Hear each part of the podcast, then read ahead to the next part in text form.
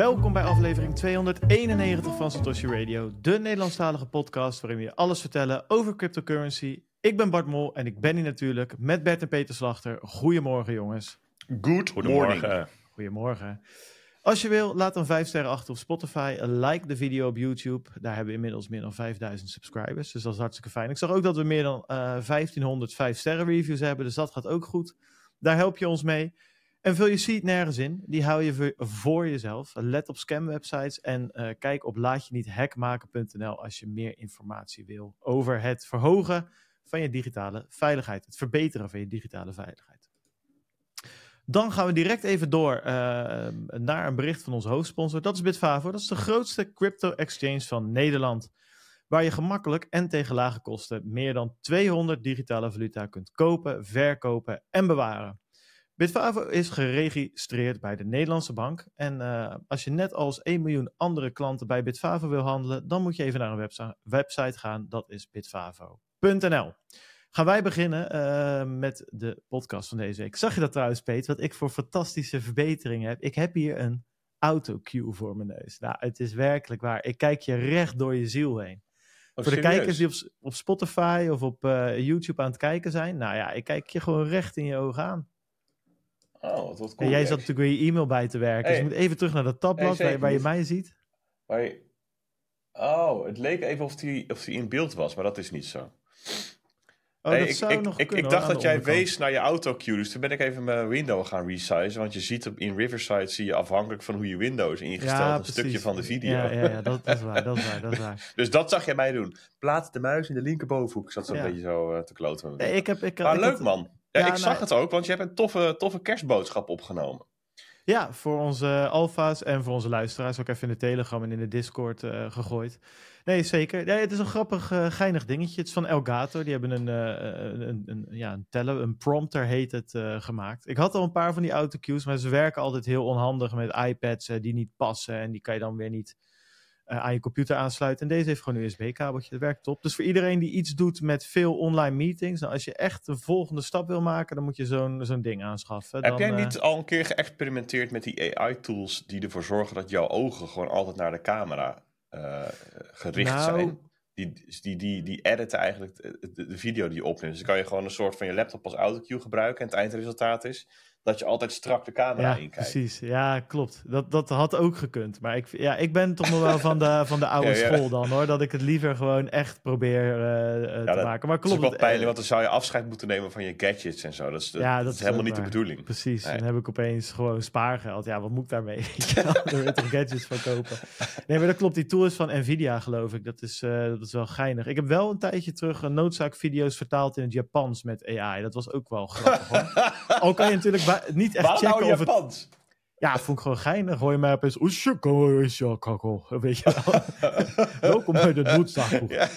Ja, anyways. Ja, ik, ik ga dit niet doen. Dit wordt een hele foute stereotype. Dat kan niet Ja, precies. Kijk uit. Hè. Ehm, ik heb nog genoeg eh, eh, Japanse tekenfilmseries gekeken... dat ik het hopelijk niet helemaal eh, onrespectvol heb gedaan. Hey, ehm, even kijken. Laten we eens even met de show gaan beginnen. Ehm, volgende week hebben we een live show. Hè? Eh, we gaan het jaar openen met een, eh, met een live show. Dat wordt hartstikke leuk. Eh, dat is om 8 uur s'avonds. Allemaal te volgen op YouTube. Dus zorg dat je erbij bent. We hadden vorige week een polletje. En we hadden, dat was een soort benchmark poll. Hè? Bert had die volgens mij verzonnen.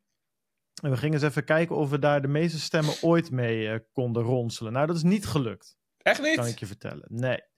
De hardware wallets blijken toch populairder dan de de oliebollen. Ja, Eh, maar we kwamen dichtbij. Het is de nummer 2 poll qua interactie. De hardware wallets van een paar weken terug was 332 stemmen. En hier kwamen we op 313 stemmen uit. En we hadden gevraagd hoe je eh, onze lieve luisteraars het liefste oliebollen eten. Met krenten, zonder krenten. Of ik had nog toegevoegd, ik eet geen oliebollen. Principieel niet. Maar Principieel tegen oliebollen. Maar wat denk jij? Hoe, hoe, hoe, eh, ik ja, sowieso met krenten. Ik vind Ja. oliebollen zonder krenten niet te hachelen. Ik wou net zeggen. Weet je, Ik, dat is ik toch een beetje überhaupt dat het een optie het is. Ik had eigenlijk gewoon drie antwoorden die Paul willen hebben. Met krenten, met krenten en met krenten. Ja, Bert, moet jij natuurlijk nu... Ja, ik vind jou nog wel het type dat je nu gaat zeggen... Ja, nee, zonder. Maar jij eet toch ook gewoon met krent, of niet? Zeker, ja, ja, ja. Weet je wat ik wel goor eh, vond en vind nog steeds? Mijn moeder deed dat altijd. Die gooide er van die keiharde gekleurde stukjes doorheen. Die zagen er lekker uit, maar die, die waren niet lekker. Een soort Oh. gelatine, maar dan hard. En dan rood, groen en geel waren Ja, die. Dat vroeg me de- echt af van waar slaat Wat- dit op, joh? Van het su- was sucade of zo, wat ze ook Ja, in s- kerststol of paastol Ja, doen. ja, precies. Ik denk dat ze dat deed om te voorkomen dat je te veel van die dingen opvrat, eh Bart. Nee, maar ben jij er meer wel- van het... ja. eh, eet jij liever zo'n appelbignet of eet je liever een oliebol? Nou, die wou ik er nog tussen zetten, maar ik ben wel dan team oliebol, hoor. Ja, Ah, Oké. Ik, ik doe wel, ehm, als ik maak ze zelf altijd, ik bak ze zelf. En dan ik doe ik er wel hele kleine flintertjes appel in door het beslag.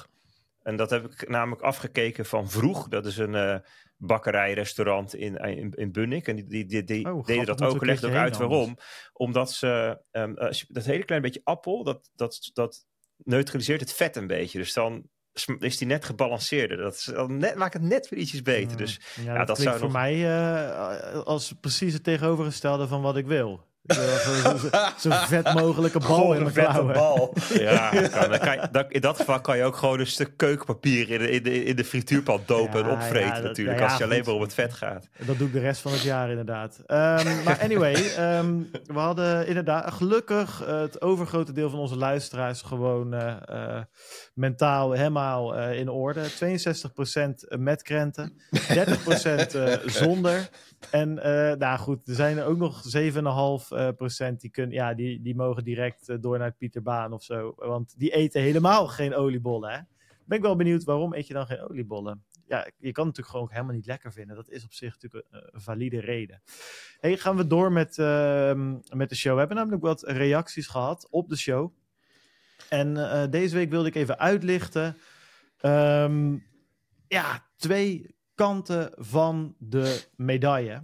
Ehm, en ook even toelichten wat, wat onze beweegredenen zijn om de show zo te maken zoals die is. Eh, ik zal eerst de reacties even voorlezen. Op Spotify zei Randy. eh, leuk dat jullie nu iets meer over altcoins hebben gehad. Eh, het nu iets meer over altcoins hebben gehad. Aangezien er ook luisteraars als ik meer in de alts zitten. En niet alleen met Bitcoin bezig zijn. Nou. En hebben we op YouTube Juriaan die zegt. Jullie zijn toppers en hebben mij veel geleerd. Maar ik merk dat jullie meer een switch maken richting crypto en altcoins. Begrijpelijk gezien jullie sponsors, maar voor mij niet echt meer interessant. Ik wens jullie veel succes en fijne feestdagen. Ja. En wij zitten daar precies natuurlijk tussenin, aangezien wij de podcast maken waar het in deze comments over gaat. Ehm, Nou, ik zit er niet echt tussenin hoor. Wat niet eh, nou, het gaat toch beide over ons? En het zijn Oh, beide. zo. eh, ja, maar ik, ik zit gewoon meer eh, aan, aan één kant van de medaille, zeg maar. Ik vind, ik vind eh, altcoins wel interessant. Dus ja, dat, is, dat is vervelend voor Juriaan. maar ik ben, Nou wel ja. heel blij, ik ben wel heel blij dat hij ehm, eventjes eh, fijne feestdagen wenst. Wat dat betreft insgelijks. Ik weet niet of Juriaan nog luistert. Maar... Maar volgens mij is het niet een switch. Als, als je bij aflevering 1 begint van Stoffie Radio, dan, dan, beland je meteen midden in de altcoins. Kijk, eh, we hebben natuurlijk wel altijd een eh, bepaalde accenten gelegd. Een bepaalde, we maken wel een bepaalde verdeling van de aandacht. Het is niet dat we alle 24.000 eh, eh, eh, assets op CoinGecko allemaal exact evenveel zendtijd geven. Er zijn dingen interessanter dan andere. Er zijn dingen die meer potentie hebben, die meer ontwrichtend zijn, die meer kans hebben om daadwerkelijk enig nut te krijgen dan anderen.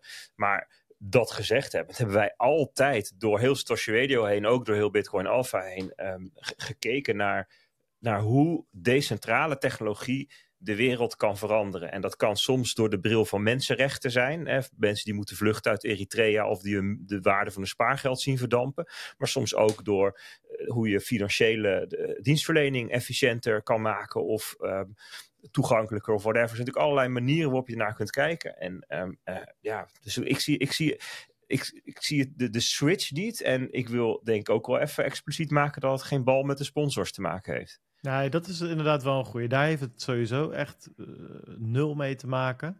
Want die hebben eigenlijk, ehm, ja, sowieso ten, ten eerste geen invloed op de show. En ten tweede hebben ze, heeft geen één sponsor die we ooit gehad hebben eh, dat überhaupt geprobeerd. Dus ten eerste ligt het, ligt het vast. Maar ten tweede hadden we dat niet eens vast hoeven leggen. Want ja, dat, dat gebeurt eigenlijk niet. Dat is best wel interessant. Toen was ik van tevoren, deelde ik die... ehm, zorg die Juriaan heeft, deelde ik op zich wel. Weet je, dat je een sponsor hebt die van alles wil van ja, dat valt eigenlijk best wel mee. Ik bedoel, ze nu en dan een nieuwsbericht van een leuke nieuwe functie op een exchange of een nieuwe hardware wallet of zo, weet je wel. En dan behandelen we dat. Maar veel verder dan dat gaat het eigenlijk niet. Ehm, kijk, voor mij is het wel zo. Kijk, ik, ik op zich, bedoel, ik snap wel wat, wat, wat Juriaan bedoelt. Ik bedoel, het gaat natuurlijk in golven. Ik bedoel, er zijn periodes waar we het heel veel over Bitcoin hebben gehad. Uh, waar het sentiment ook wel een bepaalde kant op helt. En dat verandert dan op een gegeven moment weer. Kijk, ik denk wel, um, Juriaan, kijk, ik denk dat het heel interessant is om even bij, het, bij de buren te kijken. Als je het vanuit een Bitcoin-perspectief bekijkt. Ik doe even een Bitcoin-bril op. Dan nog, en dat heb ik al, zeg ik nu inmiddels ook al best wel lang ja, weet je, zeker als je naar Ethereum kijkt, er wordt van alles onderzocht. Je ziet dat Bitcoin developers Ethereum onderzoeken, citeren in hun whitepapers voor nieuwe functionaliteit. Het is gewoon, uh, denk ik, niet handig om daar niet naar te kijken. doe je jezelf mee tekort. Uh, en je mist daardoor gewoon dingen. Daar is nu nog eens bijgekomen dat het niet eens bij het gras bij de buren kijken is. Het is letterlijk onze eigen achtertuin waar dingen gebeuren. Ik bedoel, ja, tuurlijk hebben we het over ordinals, want dat heeft nogal een impact op Bitcoin en ook op jou als Bitcoiner. Ja, weet je, uh, als je je er niet mee bezighoudt, dan sta je opeens voor een volle mempool en dan denk je, waarvoor, hoe komt dit? Wanneer wordt dit minder? Ja, daar wil ik wat over kunnen zeggen, dus dan moet ik naar ordinals kijken. En buiten dat sluit ik me op zich ook wel bij Bert en Peet aan. Ik vind het ook best wel interessant en er gebeurt ook weer eens wat. Ik wil het wel in de gaten houden ik denk wel, we willen, en dat is wat we altijd gedaan hebben, we zijn nooit echt geïnteresseerd in, in, in alleen maar kijken van wat valt er te speculeren, wat valt er te halen. En we gaan nu vertellen dat je volgende week deze coin moet kopen, want dat kan wel eens geld opleveren. Ik denk dat dat geen houdbare situatie is en dat niemand daar heel erg blij van wordt. Um, maar we gaan het er wel over hebben. Um, ja, en, en ik heb het ook op YouTube gezegd. Ik zou het erg jammer vinden als we je daarom uh, uh, niet meer als luisteraar mogen verwelkomen. Je bent van harte welkom. Maar ja, we hebben het uh, over dingen waar we het over willen hebben. en dat zal altijd zo blijven. Um, hebben dat gehad. en nou ja, goed, leuk ook weer als we mensen zoals Randy daardoor wel weer kunnen verwelkomen. We hopen daar een beetje gewoon een balans in kunnen vinden. Dat we beide kanten van het spectrum allemaal bij ons mogen verwelkomen.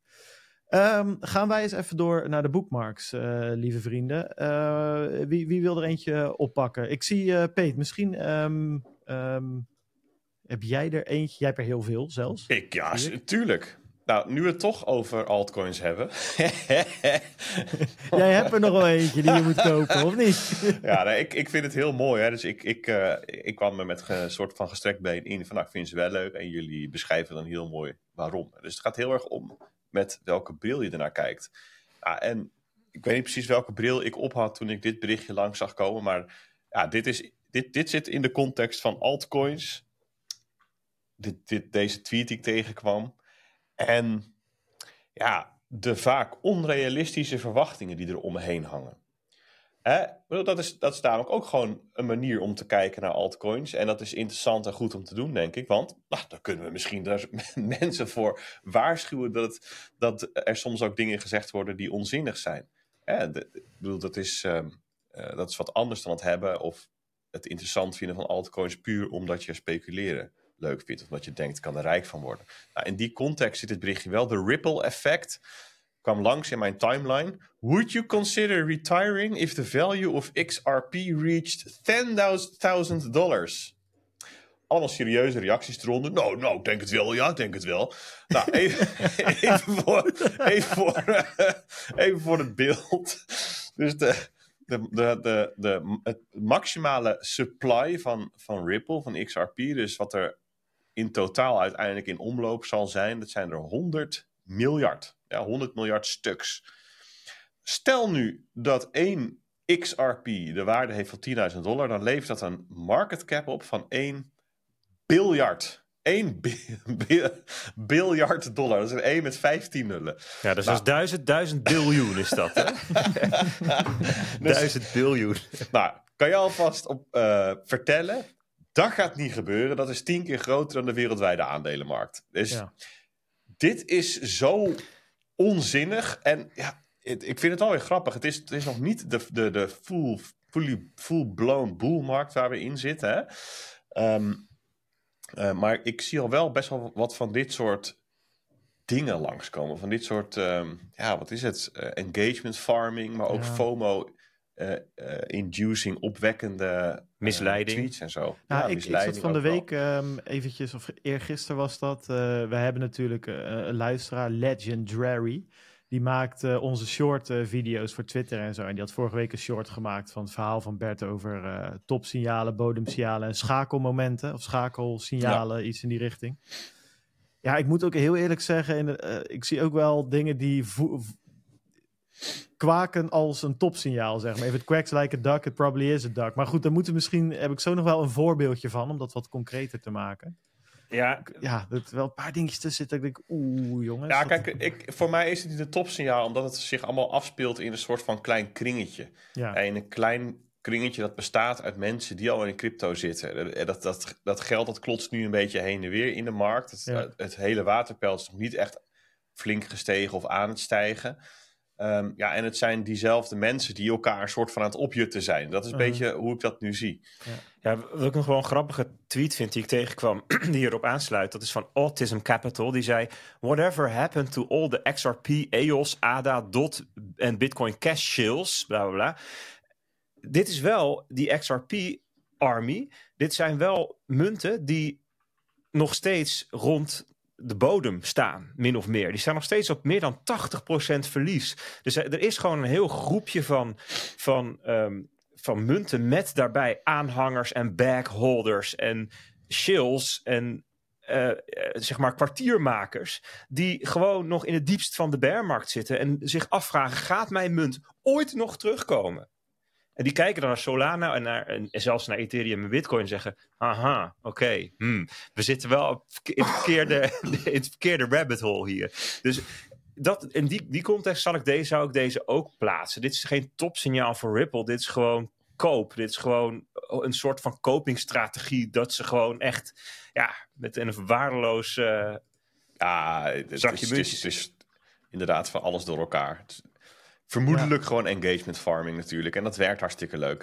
Um, ja, een ander boekmarkje dat ik had was... Um, uh, heb ik uh, Stars are aligned for Bitcoin genoemd. Ik zag dat van Bitcoin Magazine langskomen. CNBC publishes Stars are aligned for Bitcoin in 2024. Um, geen linkje erbij natuurlijk. Bronvermelding. Daar doen we niet aan.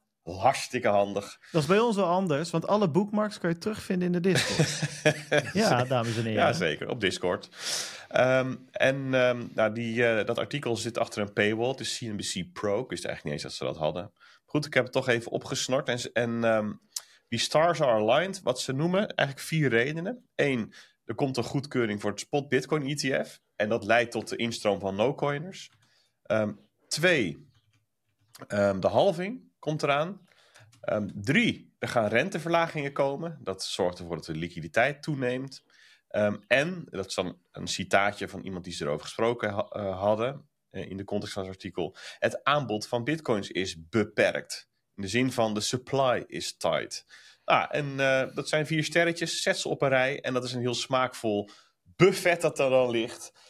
Um, en daar gaan we dan met z'n allen van eten. En dan stijgt die bitcoinprijs, dat is het idee. En op zich, hè, kijk, we, we, hadden het over um, die nieuwe boelmarkt. Nou het verhaal is wel, uh, het, het, het, narratief uh, lijkt op dit moment wel een soort van aan het uitkristalliseren. Hè? Die spot Bitcoin ETF, obviously de halving, renteverlagingen. Er staan zo weinig bitcoins op exchanges, die supply, oh, schaarste. Dat, weet je, dat, dat is eigenlijk, dit is het, het smeuige verhaal, denk ik, van, uh, van komend jaar. Waar we in ieder geval komend jaar mee ingaan. Kijk, hoe het jaar uitpakt, weten we nog niet. Um, dan, dit is de allerbelangrijkste bookmark die ik in mijn lijstje heb staan. Beste mensen, ga er even voor zitten. Val niet van je stoel. Doe je, doe je stoelriemen vast. Het lampje gaat aan boven je hoofd.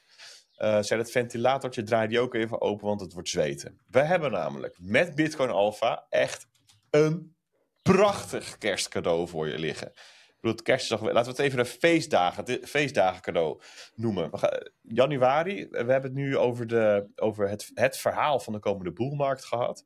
Um, op 31 december en op 1 januari wordt de vuurwerk afgestoken. Ah, januari wordt wel de maand van het vuurwerk, denk ik. Het zou zomaar de boeken in kunnen gaan als een van de belangrijkste bitcoin maanden ooit. En wij zeiden tegen elkaar van ja, eigenlijk willen we dat gewoon met zoveel als mogelijk mensen direct bij ons aan de keukentafel kunnen delen. Dus wat hebben we bedacht? Ehm, een manier om het voor jou als luisteraar echt ongelooflijk makkelijk en lekker te maken om jezelf even in te schrijven voor Bitcoin Alpha. Ehm, en dat kan op bitcoinalpha.nl slash feest. Het enige wat je hoeft te doen is je naam en je e-mailadres achter te laten. Je mag zelfs gewoon een pseudoniem uitkiezen voor je naam. Je, hè, dus, ja, wil wel aan, aan, de keukentafel zitten, maar met een maskertje op. Ook welkom. Partyboy 69. No problem. Um, en wat gebeurt er dan? Nou, iets heel moois. Eén, je krijgt een gratis maandabonnement. Ter waarde van 25 euro. In de pocket. Twee, uh, je doet mee aan een hele leuke giveaway. En dat is geen scam. Nee, echt gewoon. hebben wij voor je voorbereid. Um, we geven hardware wallets weg. De Treasure Save 3. Dat is een nieuwe van Treasure. We geven boekjes weg. Ons geld is stuk. Dat is natuurlijk leuk voor jezelf als je het niet gelezen hebt. Of je geeft het dan gewoon door. Uh, om wat kennis te verspreiden. En als klap op de vuurpijl, toch wel de mooiste grondbloem van het stel. Um, 1 miljoen sats, schoon aan de haak. Gewoon 400 euro. Misschien heb je helemaal geen sats. Is dit een manier voor jou om je eerste sats te krijgen? um, dus zo mooi is het.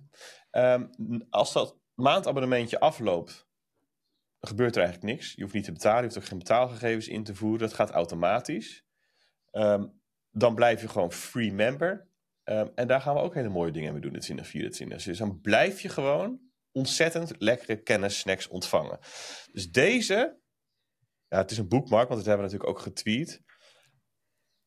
Ja, ik denk echt dat iedereen die luistert, gewoon even naar bitcoinalpha.nl slash feest moet gaan om zichzelf daar even in te schrijven. Want um, uiteindelijk uh, is dat een investering in jezelf. Die kost nu niets, maar die rendeert oneindig. Die rendeert goed. En die ren, die je, je, dus de beste... een zakelijke overeenkomst stap je met ons. Dat kan eigenlijk alleen maar goed uitpakken. Toch? E eigenlijk wel, ja. Dus, alleen maar winnaars kent dat. Dus, dus bitcoinalpha.nl slash feest. Schrijf je in en kom daarna ook even lekker op Discord hangen. Dat, daar wordt het ook steeds gezelliger. Nu al uh, eh, 1136 mensen die er zitten. Echt, ja, echt heel dat goed. gaat als een raket. Gaat als een raket. Oké. Okay. Um, Mag ik er nog eentje oppakken, jongens? Jo. Ja? Oké. Okay. Um, nou, even een, een, snelle. Ik kwam een tweetje tegen van Arthur van Pelt. De, ja, hoe zullen we hem eens noemen? De crack right hunter. Zoiets. um, ja, die, ja, wij hebben het niet zo heel vaak over uh, crack de scammer right. Um, dat is uh, de man die claimt Satoshi Nakamoto te zijn. Nou, dat doet hij al heel lang. Eh, het is nooit gelukt om dat te bewijzen. En elke keer als hij een poging doet, blijkt dat bewijs vol met fraudeleuze uh, documenten ja. te, te zitten. Dus ja. Dus het is echt al lang het punt bereikt dat je denkt van hier moet de wereld echt al lang niet meer mee bezig zijn. Want zonde dat we hier onze tijd en energie aan besteden. Maar deze man heeft geld. En achter deze man zitten nog meer mensen met geld. En die voert dus rechtszaken. En dat duurde dus gewoon allemaal veel langer om er van af te komen. En dat je leuk vindt. En zo is er ook een rechtszaak tussen allerlei Bitcoin-ontwikkelaars en Craig Wright, de COPA-case. En die, uh, daarvan uh, wel leuk, denk ik, om even te weten wanneer die gaat lopen. Um, nou, dat is begin volgend jaar. 29 januari 2024 um, ehm, start er een week van judicial pre-reading. Nou, wat het precies is, weet ik niet. Maar ik heb het idee dat dan alle stukken, of de, de rechtszaak wordt ingeleid door allerlei stukken voor te gaan lezen. Um, en dan start um, uh, de hearing, dus de rechtszaak, uh, het ondervragen op 5 februari 2024. Ben ik wel benieuwd naar. Ik vermoed niet dat er een livestream is of iets dergelijks. Maar dat is wel uh, toch wel een zaak die ik volgen ga. Want ja, zo in aanloop naar die zaak zijn er best wel wat um, smeuïge dingetjes naar buiten gekomen. Van vooral nog heel veel meer fraude aan de kant van Greg Wright. En ja, men zegt en denkt toch wel dat, dat hij nu in de hoek staat um, waar hij ook niet meer zo heel makkelijk uit gaat komen. Ik zou het wel prettig vinden als hier een keertje korte metten gemaakt wordt met deze hele vervelende meneer. hey Peet, wat ik me afvroeg, hè? hoe heb jij dat geleerd om jij zegt een zaak die ik volgen ga. Ik vind dat zo'n uh, interessante manier van uh, het formuleren van een zin. Het is een beetje net als, uh, als, als je, je hebt toch van die obers in een restaurant die zeggen: Had u nog iets te drinken gewild of zo? Dat vind ik ook altijd een beetje. Maar een zaak die ik volgen ga, dat vind, ik vind het wel mooi. Je hoort dat, dat niet zo vaak. Ik ken heel weinig mensen die op die manier iets voor. Ja. ja, vind ik grappig. Bart, ja. als je het antwoord op deze vraag weet, dan wil ik hem ook graag horen. en dus, dus ja, voor mij is, is wat er in mijn hersenpan gebeurt ook een soort uh, raadselachtige machine. ja, soms komen er hele zinnige dingen uit. Soms helemaal niet. ik weet Ik bedoel, het is, het is 100% uh, gewoon goed Nederlands. Ik, ben gewoon, ik, ik heb het recept nog niet gevonden. Nee. Hey, maar hey, voor ik echt te veel tijd in ga nemen, ik, ik wil graag even. Uh, ik, ik heb nog wat boekmarks. Als we vulling willen, kan ik doorgaan. Uh, maar ik vind het ook prima om even het spreekussen naar een ander toe te gooien. Ja, geef maar aan Bert. Ik, ik zie daar geef ook wel een Bert. Okay, komt staan. Die Wel vervangen dan, hè?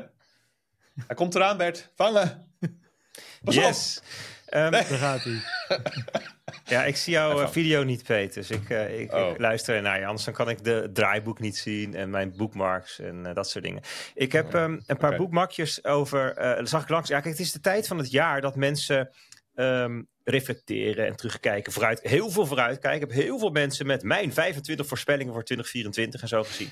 Allemaal wel grappig, maar ook wel een beetje hetzelfde. Maar ik zag ook wel mensen die zeiden van nou, dit was het eerste jaar waarin, puntje, puntje, puntje. Dat vond ik wel grappig. Oké, dat is wel een leuke manier om eens terug te kijken naar, naar dit jaar. En um, um, Matthew Highland die zei, um, Bitcoin is nou ja, het is natuurlijk nog niet helemaal voorbij het jaar. Hè? Hij houdt nog een slag op de arm. Bitcoin is vlakbij het afronden van zijn eerste jaar zonder 30% correctie. We hebben natuurlijk in het verleden, we hebben het al vaker over, hè, van um, um, ja, weet je, boelmarkten. Uh, in een ook in een boelmarkt, ook in de boelrun van de boelmarkt. Dat, even, even voor je beeld, in 2021 ging in drie maanden tijd de koers keer vier of zo, weet je wel. Dat soort bullruns, die hebben we ook gehad in 2017. Zelfs in dat soort bullruns zie je soms correcties van 30%, 35% tegen de 40 aan. Regelmatig voorkomen. Dat, ja, weet je, dat krijg je als een koers keer twee gaat, dan is het niet zo gek als er ook weer even wat afgaat op een gegeven moment. Ja, er gaat heel soms... veel lucht in dan. Ja, ja, ja lucht en, en, en mensen moeten zich nog uh, um, uh, aanpassen op die nieuwe koers en zo en verkopen dan wat. Je krijgt stevige schommelingen. En dit afgelopen jaar, dus 2023, hebben we geen enkele um, correctie van 30% gezien. Voor het eerst. En dan zag ik een andere tweet die daar een beetje op leek. Um, um, Joe Burnett tweette dat. Met een grafiekje van uh, Charles Edwards erbij. En die zei: Het is nu 232 dagen geleden dat we een correctie van 25% of meer hebben gezien. En dat was dan, als ik ga terugkijken, naar bij de buurt van um, uh, uh, die Silicon Valley Bank. Um, onrust in maart. Dus toen gingen we van nou, 6, 27k of zo naar 9, 19 of zo, iets in die richting. Dus dat is dan net meer dan die 25% geweest. Heeft hij nog uh, gezegd hoe, uh, op, op wat voor tijdsframe dit, dit moet plaatsvinden, zo'n correctie? Om te, om nee, te überhaupt. Dus gewoon überhaupt dat je um, uh, van... Um, een top naar een bodem. Ja, oké. Okay, in dit geval in dit jaar. Hè? Ja, precies. Ja, okay, van een ja. top naar een bodem. Ja, ja, ja. ja je kunt zeggen van... ja, het was ooit was het 69.000, dus we zitten nu nog in een correctie van meer dan 30 Nee, dat, dat bedoel ik niet. Maar meer van, het kan natuurlijk dat, dat iets geleidelijk best wel naar beneden gaat. Ja. En dan heb je, als je op dagbasis kijkt, natuurlijk geen enorm gekke correcties. Maar nee, dus, op dus, jaarbasis misschien Dus, wel, de, dus de, dit grafiekje waar ik nu naar kijk, met die 25%, die kijkt dan een jaar terug. Dus die kijkt naar het afgelopen, ja. een rolling uh, jaar. Dus de afgelopen 365 dagen. En heb ik dan daarin een correctie van 25% of meer gezien. Drawdown. Um, ja, dus dat is, dat is wel, wel interessant. Wat zegt dat? Hè? En dus dan, is, dan heb je twee, en ik heb hier twee soorten reacties op gelezen. De ene soort die zegt van ja, dit is Bitcoin is uh, ja, volwassener geworden, groter geworden, minder volatiel. Um, en andere die groep die zegt van nou, wacht maar, dat komt vanzelf alweer terug, die volatiliteit. Ja, weet je, de, de toekomst zal het uitwijzen, ik weet het niet. Maar ik vond het wel een interessant, wel grappig feitje. En iemand anders die kwam met een ander, um, dit is het eerste jaar dat feitje. Namelijk, is de eerste keer in Bitcoins historie, het eerste jaar waarin het jaarlijkse beveiligingsbudget als percentage van de market cap gestegen is. En dat heeft te maken met uh, wat is het beveiligingsbudget? Dat is de, dat is totale hoeveelheid bitcoin die uitgekeerd wordt aan miners per dag. Hè. Dat is natuurlijk uh, uh, de, de blok subsidy. Hè, dus wat er nieuw in omloop wordt gebracht. Dat is nu ongeveer 900 per dag. Plus de transactiekosten. En die, de afgelopen um, 14 jaar nam dat elk jaar af. Ofwel om, vanwege de halving. Ofwel omdat in de jaren daarna de market cap groter werd, zodat ja, um, die, zeg maar het percentage wat er in oploop kwam alsnog lager werd ten opzichte van de market cap. En um, de reden dat het nu stijgt, dat is omdat de fees dit jaar zo hoog zijn geweest ten opzichte van bijvoorbeeld vorig jaar. Dus dit is een grappig bijeffect van dat, de, um, uh, dat er zoveel activiteit was op de Bitcoin blockchain, dat dus ook doordat die transactiekosten daardoor hoger zijn geweest. Dat is ook het beveiligingsbudget voor het eerst in de geschiedenis van Bitcoin gestegen is. Weliswaar van 1,8 naar 1,9 procent van de market cap. Maar ja, het is wel.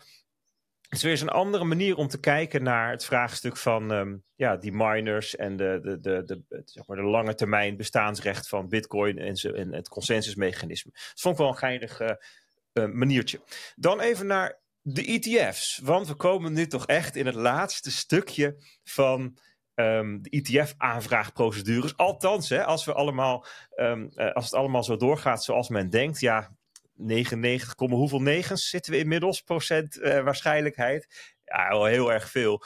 Um, ik geloof dat er bijvoorbeeld gezegd is van, joh, jullie moeten allemaal uh, voor de 29ste, 29 december, dat is morgen, allemaal je laatste aanpassingen aan de, de aanvraagstukken doen die formulieren.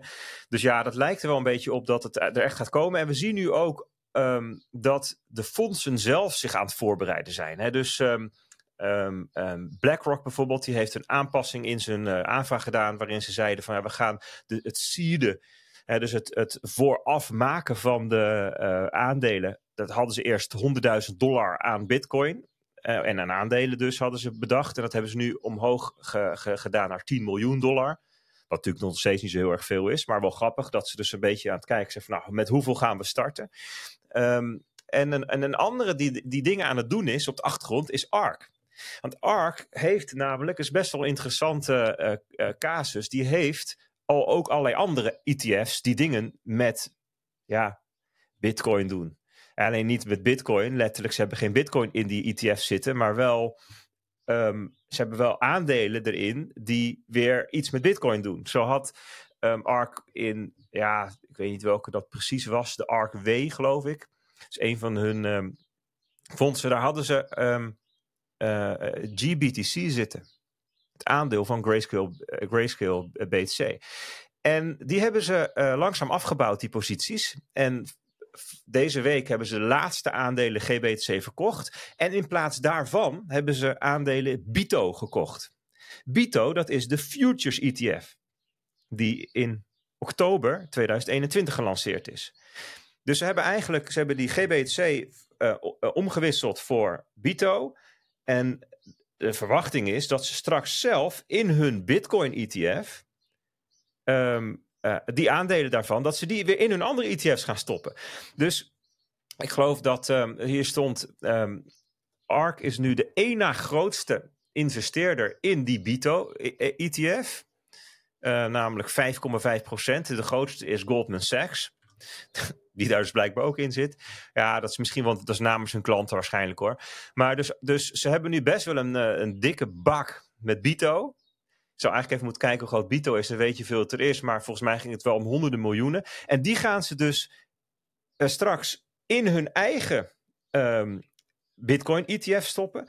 En dat is dan weer interessant, omdat dat iets zegt over het, het startpunt waar die ETF's mee beginnen. Want een van de um, uh, uh, verwachtingen is dat het, dat het dat toch een kwestie wordt van wie wordt de grootste? Wie wordt het snelst groot? Wie gaat het snelst um, een hele grote hoeveelheid uh, um, vermogen in beheer krijgen? Want ETF's hebben neiging om een soort van winner takes most-achtige um, eindsituatie op te leveren. Als je gaat kijken naar bijvoorbeeld goud-ETF's of grondstof-ETF's of ETF's die iets doen met S&P 500, er zijn er ook meerdere van, dan, dan, dan zie je dat de grootste ja, vaak drie, vier, vijf keer zo groot is als de nummer twee. dus dat heeft een bepaalde Pareto-verdeling. Um, en um, je wil de grootste worden, want dat heeft allerlei voordelen, schaalvoordelen. Je kunt kosten op laag brengen, waardoor je weer groter wordt. Dus dat willen ze allemaal graag. Ja, een ARC die kan zichzelf zo'n soort van uh, kickstart geven. Doordat ze vanuit hun andere fondsen in hun straks nieuwe te lanceren fonds gaan stappen. En dat dit allemaal gebeurt achter de schermen, dit, zal bij anderen misschien ook gebeuren. Hè? Uh, Fidelity doet zelf ook al allerlei dingen met, met Bitcoin bijvoorbeeld. Dat betekent dat je ook bepaalde um, cijfers op dit moment even ja, met een zekere slag om de arm moet bekijken. Hè. Zo zag ik bijvoorbeeld um, weer een tweetje langskomen van James Butterfield. Hij werkt voor um, CoinShares. En hij maakt elke week die crypto asset flows uh, rapporten voor CoinShares. En hij zei van, hè, volgens mij zei de vorige week dat er een eind was gekomen na elf weken lange instroom in die uh, uh, zeg maar wereldwijde cryptofondsen. Um, dat was een heel klein minnetje. En nu was er deze week weer een instroom van 103 miljoen dollar. En ik ja, je moet met dit soort dingen dus wel gaan uitkijken. Um, wat dat dan betekent. Want stel dat fondsen nu hier posities in aan het innemen zijn om dat straks te roteren naar hun eigen ETF, hè, vanuit uh, ander soort fondsen, ja, dat zou allemaal kunnen, dan betekent dat iets anders dan je denkt, dan betekent dat niet dat er nieuw kapitaal inkomt. Dat betekent alleen maar dat het kapitaal wat eerst in het ene fonds zat, nu in het andere zat. Dit heeft dus ook verder geen invloed op de vraag naar bitcoin bijvoorbeeld. En dus dat zijn even dingen die, ja, het is een soort van loodgieters werken op de achtergrond, waarvan je, waardoor je misschien bepaalde cijfers eventjes tijdelijk verkeerd kunt interpreteren. Dus um, dat vond ik wel geinig om even um, te melden over die, uh, over de ETS. Ja. ja, zo ik er dan uh, eens een paar. Op, Als jij nog wat voor ons in de, in de aanbieding, Bart? Nou ja, zeker. Uh, wel een aantal. Um, ja, mijn Twitter-feed is overspoeld. Uh, ten eerste met troep. Dat is echt niet normaal, jongen. Ik, ik zei het laatst al tegen jullie. Het is niet wat ik, allemaal te, nou, wat ik allemaal te zien krijg. Geweld, seks, gokken. Alles wordt er, wordt er gepusht. Het is niet normaal. Uh, wat, dat past wat, toch wat, helemaal bij jouw interesses? Ja, klopt. Maar dan hebben ze dat algoritme wel dermate verbeterd sinds dat uh, Musk daar aan de macht is. Want ik heb het daarvoor echt niet gekregen. En nu krijg ik echt de gekste, gekste shit te zien. Maar uh, uh, daartussendoor komt zo, zo, nu dan nog wat anders langs. En dat is toch nog steeds ook wel veel ordinal en inscription gerelateerd. Wat ik namelijk gisteren zag gebeuren. Het is een soort ja, vliegwiel wat steeds harder gaat, gaat draaien. En het ene token is nog niet gemint en het volgende wordt al gedeployed. En CB Spears die zegt, um, dat is trouwens iemand die ook werkt aan al die ordinals en dergelijke, dus vanaf het begin af aan wel bij geweest. Die zegt, at this rate, the degens will soon be mailing each other handwritten JSONs, trying to claim US Post Office namespace. En hij refereert hier aan uh, de nieuwste tokenrage, namelijk het deployen en minten van tokens via Twitter. Zag ik gisteren langskomen dat mensen opeens die, die, die JSON-bestandjes, zeg maar, die je normaal gesproken dus die BRC20-achtige tokens, die werden op Twitter gepost. Want daar was dan weer een partij die had een indexer gemaakt, zodat het allemaal, ja, dat je denkt van ja, oké, nu komen we, dat was voor mij waar ik het net een beetje over had, zo'n topsignaal dat ik denk, ja, dit, dit, deze stoelendans, de muziek gaat binnenkort wel uit. E eventjes in ieder geval, als we het hebben over dit soort tokens en dergelijke. Want het is echt, wat dat betreft, echt wel een beetje een zootje. Um, ja, dan zat ik te kijken, wat had ik nog, uh, wat had ik nog meer staan? Nou ja, een andere grappige, dat was, um, hoe heet die, onze grote vriend uh, Oedi had weer een, iets in een archief gevonden waarmee hij een Bitcoin Maxi op zijn tenen kon trappen. Namelijk Jimmy Song. Uh, Jimmy blijkt namelijk de bedenker van inscriptions te zijn. Jimmy heeft namelijk ooit in een ver verleden in 2017 het volgende getweet. Hij zegt: I wonder if you have coins digitally signed by Satoshi Light. Dat is uh, de bedenker van, uh, van Litecoin. that, um, that it would be worth more than your normal Litecoin. Dus um, coins die gebruikt zijn door de bedenker van Litecoin, die zijn misschien wel meer waard dan normale Litecoin, zegt Jimmy. Hij zegt in ieder geval I'd certainly pay extra. Voor Jimmy zou dat wel wat meer waard zijn. En daarna gaat uh, iemand die daarop reageert, die zegt that kills fungibility. Um, basically, you are saying that all coins not from Charlie should be worth less. En Charlie is dus die bedenker van Litecoin. En Jimmy zegt erop, It will be more like a collector's item for me. Certain pennies are worth more than others. Doesn't mean US dollar is not fungible. Ja, ik ben het helemaal met uh, Jimmy eens. Ik heb vorige week volgens mij nog een verhaal over hotdog stands en Obama en uh, dollars uh, lopen ophangen. En Jimmy zegt eigenlijk hetzelfde. Maar inmiddels is Jimmy natuurlijk een van de mensen die juist heel erg tegen de inscriptions en de ordinals is. Nou ja, het is best wel, best wel grappig. Nou moet ik wel zeggen, wat Jimmy hier bespreekt beschrijft, is eigenlijk ordinals en daarmee hè, de, de, de speciale sats, de rare sats waar we het over hadden. Hè, dus een sat waarmee een pizza betaald is. Dat is natuurlijk wel iets anders als de inscriptions. Je kan best wel, dus best wel te bedenken waarom je voor ordinals bent, maar tegen inscriptions. Hè, dat zijn twee verschillende dingen. Je kan best wel speciale satoshis proberen te sparen en alsnog niet willen dat er allemaal data uh, in, uh, aan die sats wordt gehangen middels het uitbuiten van die, van die SegWit blokruimte of, of transactieruimte die er is. Dus op zich vond ik dit niet zo'n hele takedown, hele erge takedown van Oedi, maar ik vond het wel grappig om, om, om, om even te noemen.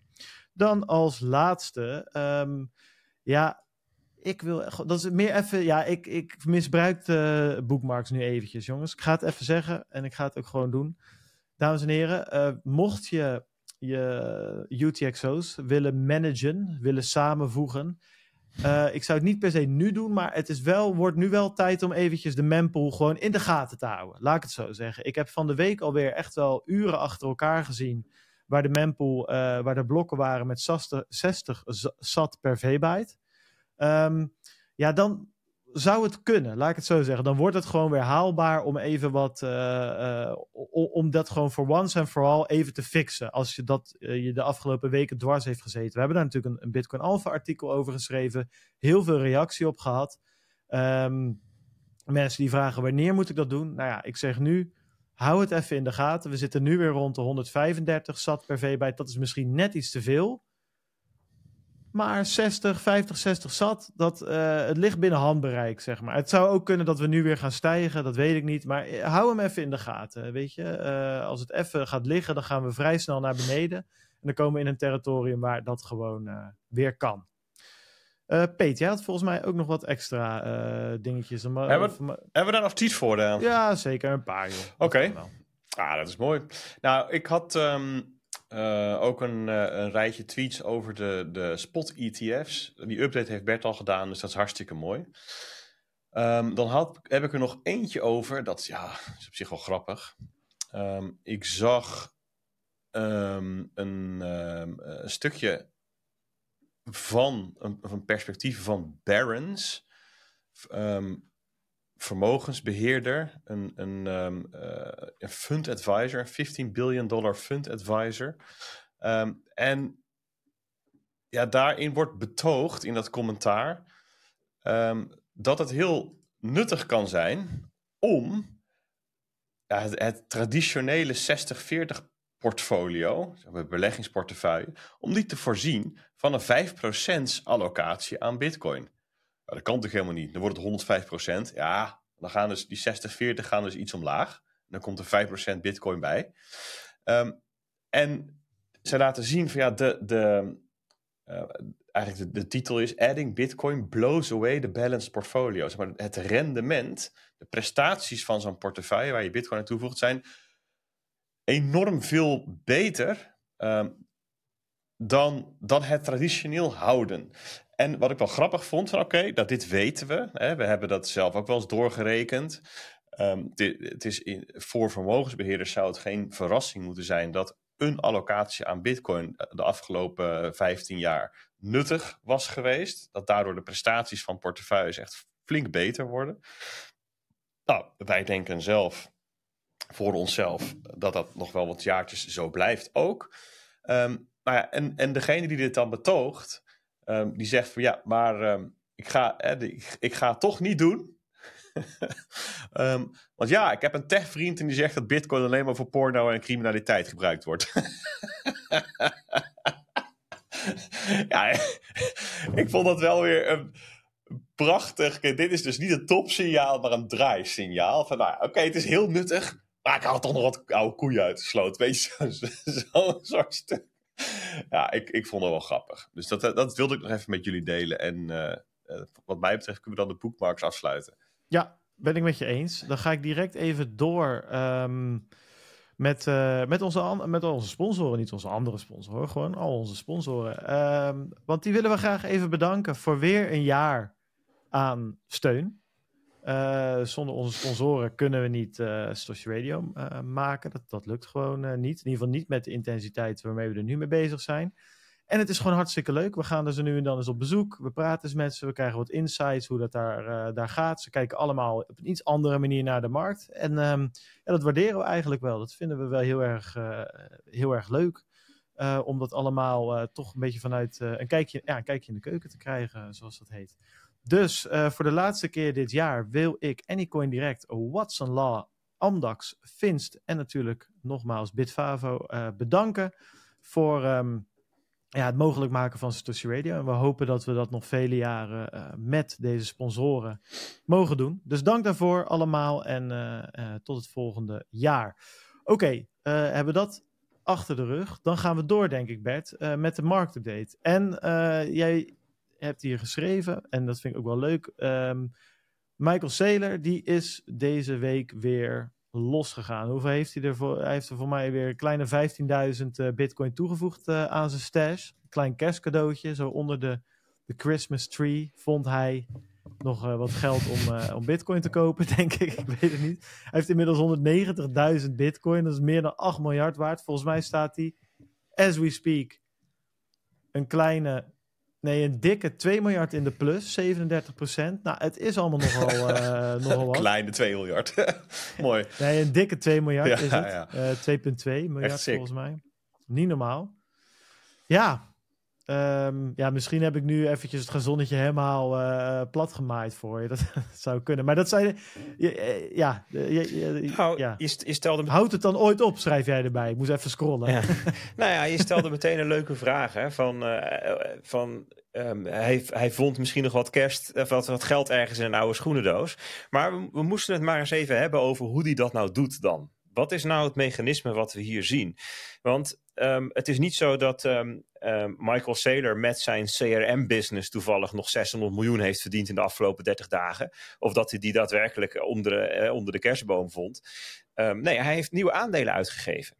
Kijk, wat, wat uh, MicroStrategy doet, die kijkt naar wat is de marktwaarde van het bedrijf MicroStrategy op basis van de aandeelkoers? je weet, zo, zoveel aandelen zijn er. Eh, dit is de koers van de aandeel.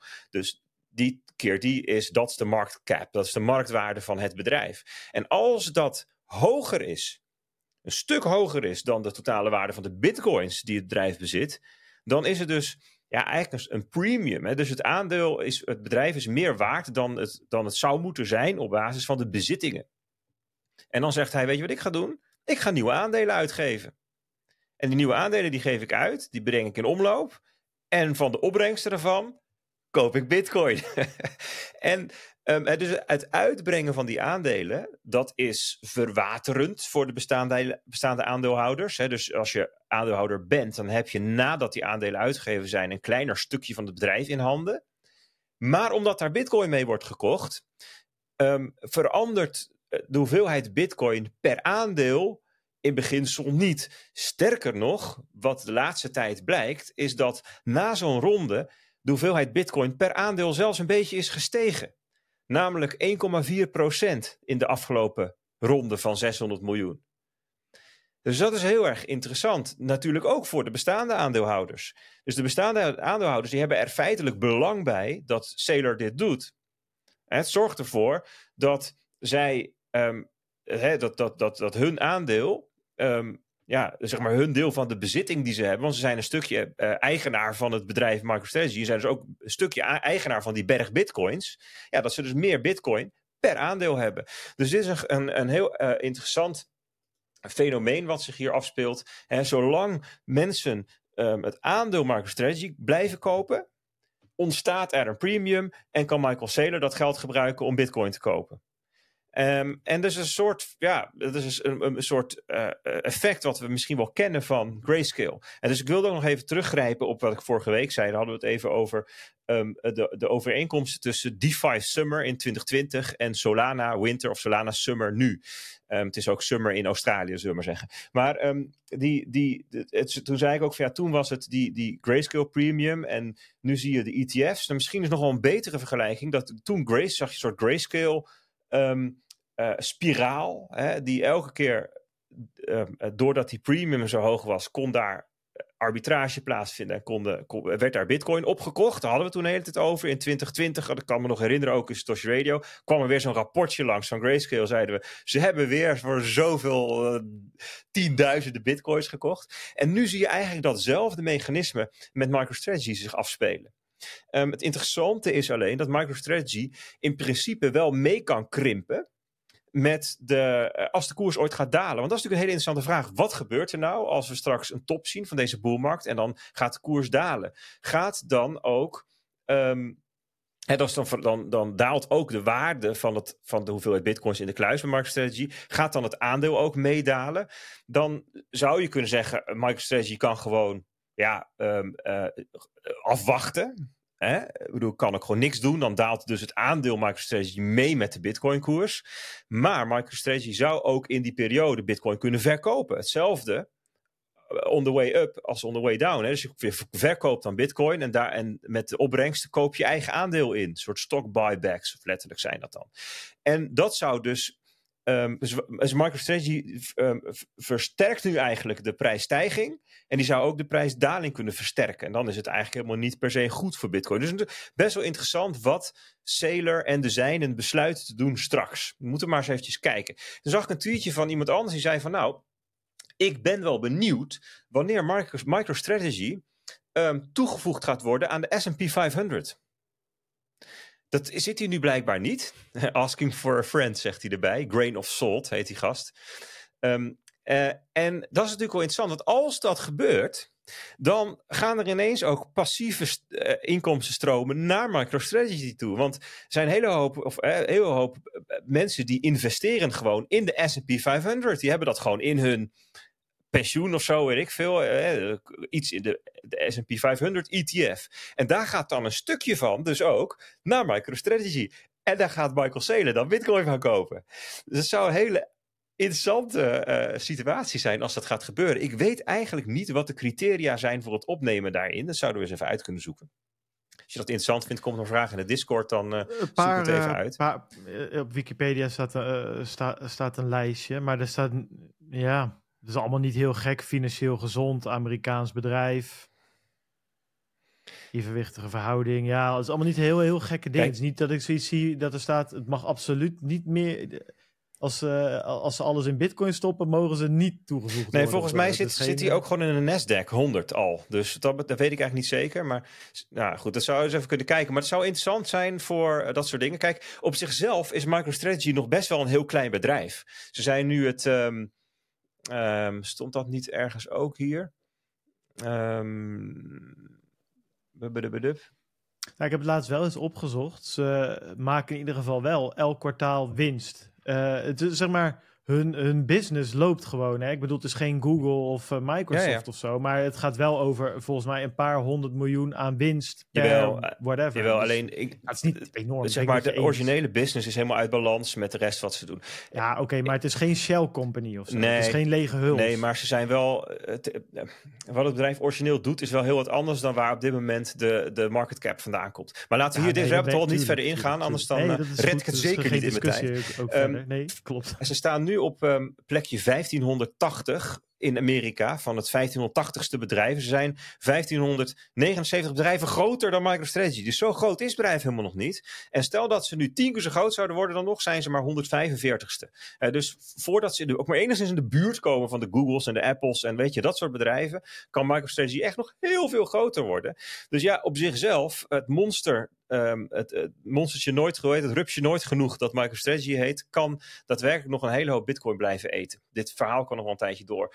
Um, uh, ja, dus dat vind ik wel grappig. Deze die sla ik even over. Ja, dus dat is even het verhaal van um, MicroStrategy.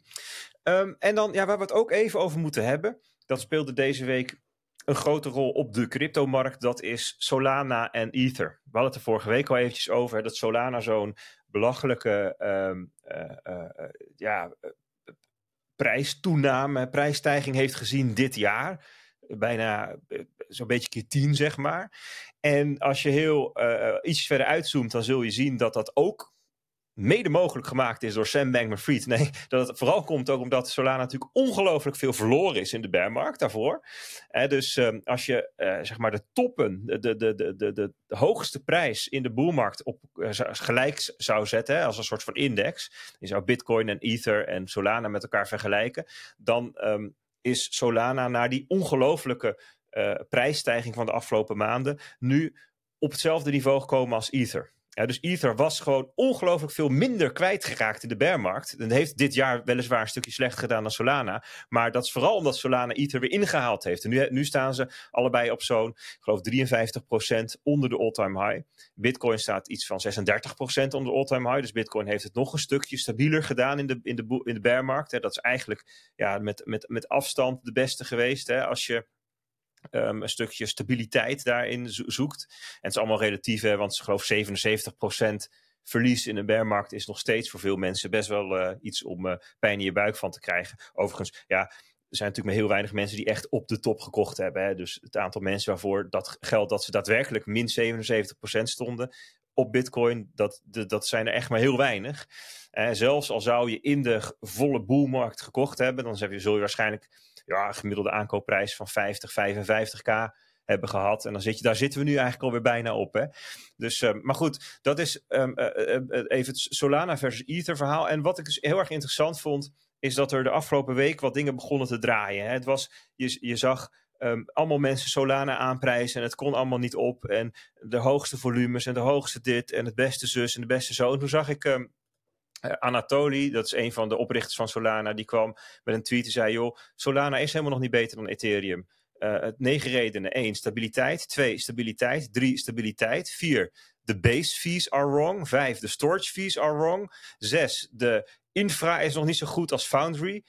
7. Um, bla bla bla. 9. Stabiliteit, stabiliteit, stabiliteit. Uh, dus iemand van Solana zelf, die daar ook heel zeer gerespecteerd wordt, die zei: Jongens, laten we nou even, even voorzichtig zijn met al dat euforische um, getetter. Ja, dat is toch precies wat we vorige week ook, ook zeiden. Het, het is onmogelijk dat Ethereum opeens binnen een maand heel veel slechter is geworden. Net zoals dat het onmogelijk is dat Solana binnen een maand opeens heel veel beter exact. is geworden. Dus tuurlijk gebeuren er dingen, maar er zitten nog heel veel dingen omheen. Want ik werd, er was een luisteraar, die kwam even te zeggen mooi om te zien dat Bart, uh, Bart, Bart in disbelief is. Ja, het, mij maakt het al flip Solana, Ethereum vijf keer. Dat maakt me allemaal geen moer uit. Alleen waar, wat mij wel een moer uitmaakt, is dat je hype van fundamentals moet, uh, moet, moet, moet onderscheiden. En Bert gaf vorige week heel goed aan dat er zeker wel een paar dingen veranderd zijn. Het afgelopen jaar, als je het hebt over een Solana, er zal vast aan gewerkt worden en het zal vast decentraler worden, whatever, dat is allemaal prima. Maar dat het dan de afgelopen maand of twee maanden zo enorm gestegen heeft, dat heeft niet alleen maar te maken met fundamentals. Er zit gewoon heel veel hype. En dat is fijn dat die slimme meneer van Solana dat zelf ook gewoon uh, toegeeft. Ja, nu, dus, uh, nu, die luistert denk ik ook tussen Radio, gok ik zo. Nu, ben je het gras wel een beetje van voet aan het wegwaaien. Maar de afgelopen week, afgelopen week zag je dus heel duidelijk een, een, een omslag in de gesprekken van... Um, uh, je kunt niks kwaad zeggen over Solana, want dan ben je een, uh, een dan ben je heiligschennis aan het plegen, weet je wel. In disbelief ben je dan. En, en ben je gewoon in disbelief. Je, dus er was een omslag van, je mag niks kwaad zeggen over Solana, naar, jongens, keep it real. dus je zag een, um, dat, bedoel, die, die mensen waren er altijd al wel, alleen nu zag je dat het collectief eigenlijk de overstap maakte van um, um, het Solana-narratief is um, uh, uh, is onaanraak, mag je, daar mag je niet aan tornen naar, um, ja, we moeten wel reëel zijn. Hè? Je zag dus ook rondom Ether dat mensen daar op allerlei manieren, um, zeg maar, de, de, de, de, de, het, het reëel probeerde te maken voor Ethereum weer. Hè. Dus je zag tweets langskomen als van jongens, let even op. Dat het niet alleen maar gaat bij Ethereum onder layer 1, maar ook om Arbitrum, Aztec, Base, Fuel, Linea, Optimism, Polygon, Scroll, Starkware en ZK Sync. Want dat zijn allemaal roll-ups op Ethereum. Maar dat is allemaal ook Ethereum. Dat is allemaal dezelfde um, ecosysteem en netwerkeffect. En dat, dat netwerkeffect, dat raakt ook de asset Ether. Dus um, op die manier zagen we dat de de, weet je, de hype die rond eh, Solana was ontstaan, dat daar even een, een, even een, een, emmer water overheen ging. Het werd even ontnuchterd. En dat is interessant dat in diezelfde periode ook Ether een top neerzette op 125 dollar, om en nabij. En, en dat is, um, um, nou ja, ten opzichte van april keer 5 of zo. Um, en, en je zag dat Ether de afgelopen dagen juist heel sterk ten opzichte van Solana ook begon te stijgen. Dus nou is natuurlijk een hele interessante vraag van hoe zit dat nou in elkaar? Hè? Dat je tegelijkertijd ziet dat de narratieven nuchterder worden of verschuiven. En dat, je een, een uit, dat die prijzen uit elkaar gaan lopen. Hè? Dus dat Ether het goed gaat doen en Solana wat minder. Hoe zit dat dan? En ja, je zou kunnen zeggen, um, de vraag kunnen stellen van wat komt nou eerst? Het narratief of de prijs? En er is best wat voor te zeggen dat, um, zeker op korte termijn, dan heb ik het over termijn van weken en maanden, niet op termijn van jaren, maar op korte termijn, dat de prijs eerst is en dat het narratief zich daarna vormt. Dus als de koers van Solana zo ongelooflijk stijgt, en daar zit natuurlijk, ligt daar aan ten grondslag dat er allerlei grote partijen in geloven, want laten we wel wezen, Um, in de periode dat Solana keer 3 ging, in oktober en september, oktober, november, toen is er ook nog voor honderden miljoenen aan Solana verkocht door FTX-curators. Dus er is, was daadwerkelijk heel veel vraag, nog voordat het echt hyperig werd. Maar dan gaat die prijs omhoog en dan ontstaat er vanzelf een narratief van, oh, dit is geweldig. En je zult zien, het, het narratief rond Ether, rond Ethereum was echt ongelooflijk negatief de afgelopen weken. Stel dat Ether nu weer hartstikke hard gaat stijgen, dan zal daar ook weer een fantastisch narratief omheen komen. Van hoe goed en hoe briljant en hoe van, geweldig het netwerkeffect is. En ik denk ja, precies, ja, exact. dat het heel belangrijk is om je te realiseren dat op korte termijn um, prijs, het narratief, um, uh, uh, voorgaat en uitlokt. En, en, en, um, en dat betekent vaak betekent wel dat er daadwerkelijk iets is dus um, het, het, het, gebeurt best wel weinig dat er alleen maar een prijsbeweging is en, uh, en een narratief komt en dat er uiteindelijk helemaal niets blijkt te zijn. Dat gebeurt wel eens, en pump en dumps en sommige meme coins en dat soort dingen. Uh, daar, dat, dat, daar is gewoon niets. Dat is gewoon een, halluc gezamenlijke hallucinatie ja, mensen achteraan. En soms, Bert, is er ook wel wat, maar dan, ja, dan, it doesn't live up to the hype. Weet je, we hebben Icon gezien, ICX, we hebben Neon gezien, we hebben nou ja, Cardano, dat leeft nog steeds. Dan krijgen we allemaal uh, Cardano-mensen achter me aan als ik die in hetzelfde rijtje voer. Maar de internetcomputer, computer, Definity, ICP bestaat ook nog steeds, draait nog steeds, kan je gebruiken. Maar ja, ja, het is nooit geworden wat, het, waar, waar, wat de hype zei dat het zou worden. Dus dat is gewoon een mogelijkheid. En sterker nog, je ziet het gewoon vaker ook die kant op gaan. Ik bedoel, je kan niet 100 Ethereums hebben. Weet je, ik bedoel, het blijft toch ook een beetje een enigszins een winner takes all uh, markt. Zeker als je precies dezelfde use case hebt. Dus ja. Er zit ook, mijn punt er zit ook nog een soort van um, tussen. je, hebt, je hebt een gedeelte scams en pump and dumps. Je hebt een gedeelte die heel populair zijn. En daartussen zit gewoon niemands land met chains die best wel prima werken. Maar die niet echt gebruikt worden. Ja, ja. En um, eh, dus, dus die, het narratief en, en, en, en narratief dat kan uitvergroot worden door hype. Daarvan is dus de vraag, en uh, wat, is, wat is echt? En wat is, wat is alleen maar façade? En dat, uh, soms moet de tijd dat ook uitwijzen. En um, het is wat dat betreft wel altijd wel interessant als je, voor, als je voor de tweede of derde keer bij een bepaald project, een bepaald protocol, een bepaald netwerk, opnieuw een bepaald um, narratief en prijsontwikkeling ziet. hoe komt dat dan? Is, daar, eh, is er dan in de volgende generatie, zijn ze verder? In eerste instantie was het de belofte en hebben ze dan nu daadwerkelijk wat gerealiseerd bijvoorbeeld? Dat is denk ik bij Solana wel aan de hand. En ik heb hier op Messari een dashboardje gemaakt even, waarin ik uh, alle grote uh, crypto's, zeg maar alles met meer dan een miljard market cap, heb gesorteerd op hoe, hoe, hoe, hoe, hoeveel um, ze nog onder hun all-time high zitten. en dan aan de, aan de bovenkant heb je bijvoorbeeld Bitcoin zitten en Solana en zo doet het allemaal aardig. En aan de onderkant zie ik EOS op min 96% nog. Je had het over Neonet, min 93%.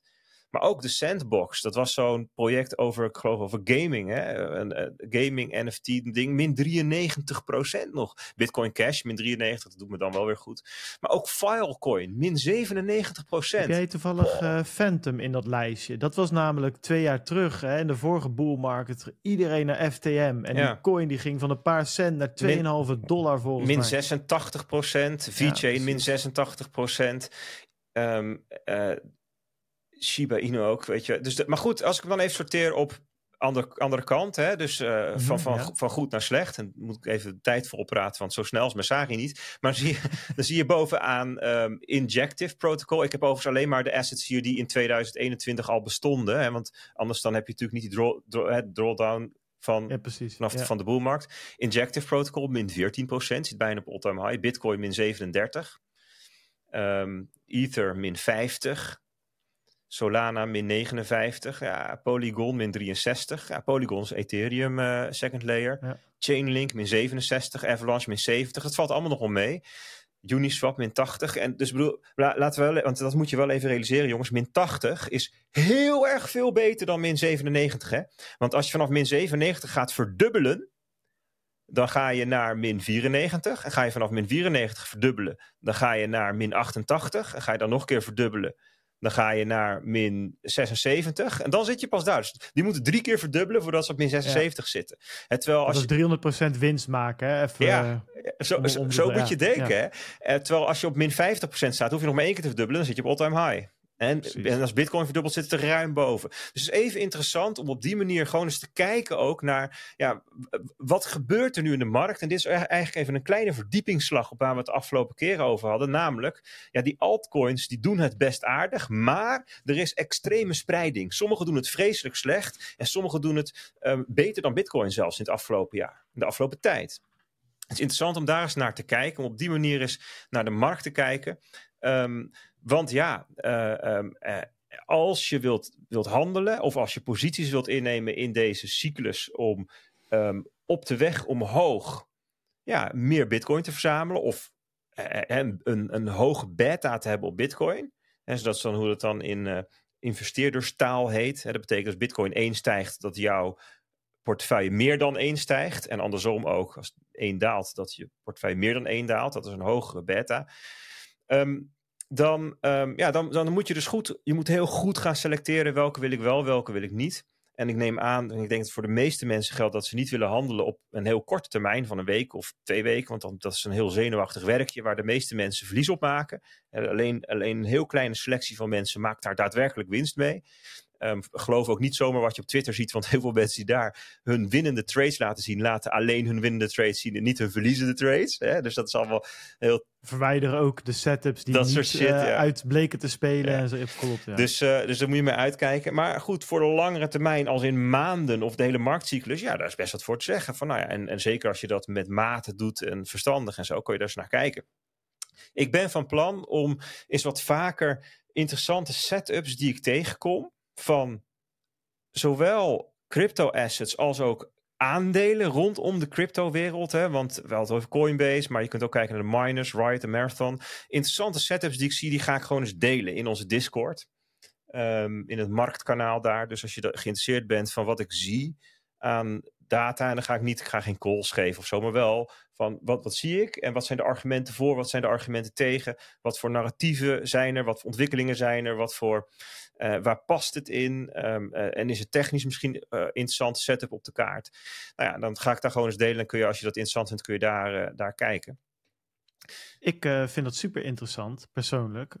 En uh, het mooie is, uh, het is in het Alpha-kanaal, dus alleen beschikbaar voor betalende leden. Maar, zoals Peter aan het begin van de aflevering zegt, dat is dus middels uh, bitcoinalpha.nl slash feest voor iedereen een maandje gratis te proberen. Dus ik denk dat er aankomende maand wel zo'n setupje aan zit te komen. Bert, dan ja, kunnen meerdere. mensen dat eens kijken. Zeker. Ik ben er wel eens, ik heb er een paar, ben er erg benieuwd. Ik heb er een paar op de radar namelijk. Ja, want goed, even, even om het verhaaltje rond te maken hè, naar Solana versus ETH. Ja, wat we dus nu zien is dat Solana Um, uh, die lijkt een beetje, uh, laat ik zo zeggen, de huidige rage, de huidige hype die, die, die ontnuchtert een beetje. Dus dat betekent niet dat Solana helemaal klaar is voor deze marktcyclus. Helemaal niet. Dus best wel een reële kans dat Solana de komende jaar het beter blijft doen dan dan, dan, dan, zelfs dan Bitcoin. Of dan de meeste andere assets, crypto-assets.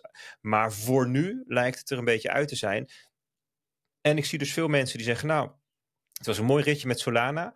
Ik denk dat de twee dingen aan de hand zijn. Dat Solana even iets te veel uh, peper in zijn reet heeft gehad. En dat Ethereum eigenlijk een beetje onderschat is. Dus de ene is wat overgewaardeerd en de andere wat ondergewaardeerd. Dus ja, misschien stap ik eens van Solana naar Ether over. Ehm, of naar Bitcoin. En dat zie ik ook veel mensen die nu toch een klein beetje zenuwachtig worden. Denken van, poh, het is inmiddels nog maar minder dan twee weken voordat um, de ETF er zou moeten zijn. Ja, ik weet niet of dit nou... Een soort, soort stoelendans. Ja, ik weet niet of ik nou degene wil zijn die straks die enorme groene candle mist. Daarbij, ik, weet helemaal niet hè, wat de koers van bitcoin gaat doen. Misschien stort het wel in, zelfde nieuws en allemaal argumenten voor en tegen te maken.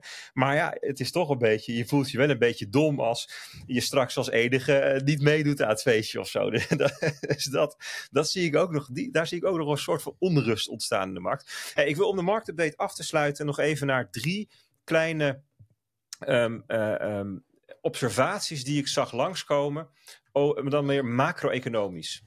Deze die sla ik eventjes over. Dit is interessant. Ja, ik zag wat mensen tweeten over, um, ja, over, over krachten die misschien wel in de toekomst zouden kunnen gaan zorgen voor een nieuwe inflatiegolf.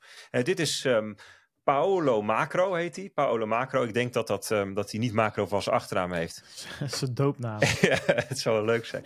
Maar die, uh, die zegt, um, um, die laat een tweetje, van een, een, grafiek zien van de, even kijken, de, de, de Fed Wage Survey, Survey Indicator. Dat gaat over de, ver, de, de verwachting van de loonontwikkeling in de Verenigde Staten. En ja, die heeft een aardige correlatie, zegt hij, met de daadwerkelijke lonen. En dus die survey, en daar gaan ze dus aan werkgevers vragen: joh, wat verwacht jij dat de loongroei gaat zijn of zo? En dat blijkt dan ook aardig uit te komen. En die is weer aan het stijgen. Nou, dat loopt dan een jaar of, of zo iets voor um, uh, op de daadwerkelijke loonstijgingen. Hij zegt: hmm, als de lonen weer gaan stijgen, hè, of als er loonsverhogingen aankomen, dan gaat dat ook doorwerken. Uiteindelijk in de consumentenprijsinflatie. Iemand anders die um, uh, liet een um, grafiekje zien van de NFIB. Dat is een of andere uh, uh, vereniging van mid, midden, of kleine, kleine en middelgrote bedrijven in Amerika. Is waarschijnlijk al veel groter dan wat wij MKB noemen hoor. Maar, en ook, die, de, ook daar um, zie je een acceleratie weer van de prijzen zien. En dat vond ik interessant, dat, dat, dat ik dit nu voor, voor, eigenlijk voor het eerst in grafieken het, langs zie komen weer. Want dit is namelijk wel mijn basisscenario. Dat we, um, dat was het al anderhalf jaar geleden. Toen, toen twitterde ik dat ook van ik verwacht dat de inflatie heel erg hard naar beneden komt. En dat die daarna ook weer hard gaat stijgen, een jaar of anderhalf jaar later. Um, net zoals bijvoorbeeld in 1940, net zoals in 1970. Um, en de afgelopen weken hebben we het er ook over gehad hoe dat er dan uit gaat zien. Namelijk dat als Jerome Powell besluit om te stoppen met remmen, of de rem ietsjes minder hard in te trappen. En je ook nog eens een Amerikaanse overheid hebt. Janet Yellen, weet je nog, die zegt van uh, ja, presidentsverkiezingen, misschien moeten we maar even wat stimuleren, zodat het boel er mooi bij hangt. Ook al is het een adrenaline, adrenalinespuit in een verder doodzieke patiënt uh, stoppen. Um, dat zou weer voor ja, nieuwe prijsstijgingen kunnen gaan zorgen. Hè, want uh, ja, stimuleren en um, inflatie die die oploopt, dat is uh, iets wat normaal gesproken met elkaar verband houdt.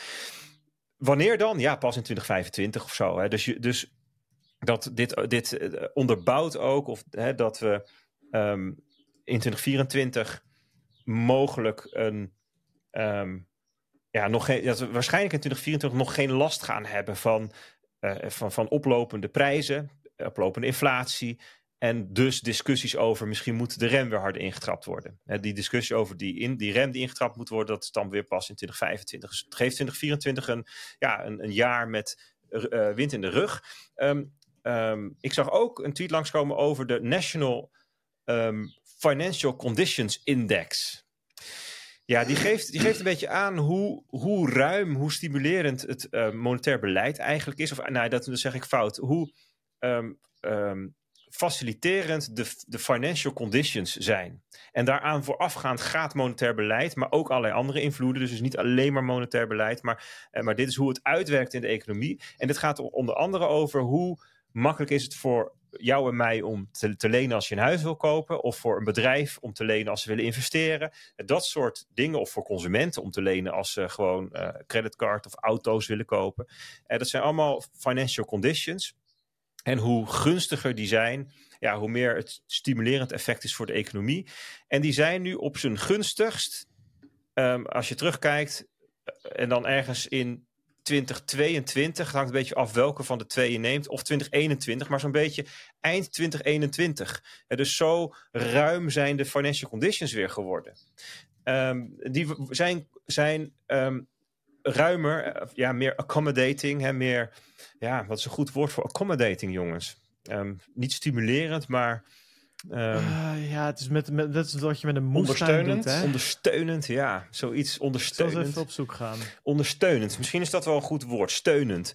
Dus, dus ze, ze steunen eigenlijk um, de economische activiteit. Nou, dat is, uh, dat is interessant. Dat is het, een consequentie van de pivot die Powell maakte naar meer het zachte landingsscenario. En dit is uh, uh, stevige rugwind voor alle financiële markten in 2024. Um, en als laatste zag ik wat... Behulpzaam of vriendelijk? Behulpzaam, ja. Beetje, uh... Behulpzaam vind ik wel een aardig woord. Ze zijn behulpzaam voor, het, uh, voor de financiële markten en de economische dienst, groei. Dienst. Iets met dienstplicht of zo. Verdienstelijk. Ga verder. Um, ja. ja, laatste dingetje wat ik zag is dat van een aantal mensen die zeiden van... Ja, zitten we nou in... Um, in de, de, de, de, de late cycle fase van de cyclus. Hè, dus aan het eind van de groei cyclus, hè, van de conjunctuurcyclus. Dat is namelijk, dat is dus vlak voor de recessie. Of zitten we in de early recovery, namelijk vlak na de recessie. En dan was de observatie van die mensen dat die twee fases, hè, dus net voor en net na het diepste punt, dat die erg op elkaar lijken, op, in allerlei opzichten. En dat is interessant, want dat betekent dat je ze ook makkelijk kunt verwarren. Dat je kunt zeggen van, uh, van um, uh, nee, maar we zitten nu uh, we, hebben de recessie nog voor de boeg. Of ja, we hebben de recessie net achter de rug. Het zijn natuurlijk twee heel verschillende uitgangspunten. En want in het ene geval komt het ergste nog, in het andere heb je het ergste gehad. In het ene geval ligt er um, uh, iets slechters nog voor de neus. In het andere geval gaat het alleen maar beter worden.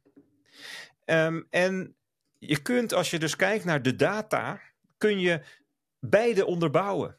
En dat is ook wat we heel erg zien. Hè? Er zijn, zijn mensen die met dezelfde data zeggen: ah, neem soft landing, want ja, er ligt een, als er al een recessie is, is het een milde. En dan zitten we nu een staartje ervan of we hebben hem achter de rug. En voor ons ligt een nieuwe periode van groei. Hè? En 2024 wordt een jaar waarin allerlei markten all-time highs gaan laten zien, waarin iedereen voor de wind gaat. En er zijn dus ook mensen die met dezelfde data zeggen: nee, um, we staan eigenlijk op het randje van de afgrond. Hè? Vlak voor ons ligt een recessie. We zitten nu inderdaad in een recessie. Dat heb je goed, we zitten in een recessie. Alleen we zitten pas in het begin van een hele diepe. En misschien dat de eerste maanden nog wel oké gaan komend jaar. Maar daarna dan is het afgelopen. Dan feestje klaar, gaat de muziek uit. Dus het is een hele interessante um, observaties, vond ik dat, van die mensen. Van hey, um, ja, het is een bekend fenomeen al heel erg lang dat het, laatste stukje en het eerste stukje van de conjunctuurcyclus dat die op elkaar lijken, van de economische cyclus. Um, ja, nou ja, goed, dat, dat heb, daar heb je natuurlijk verder als luisteraar niet zo achterlijk veel aan.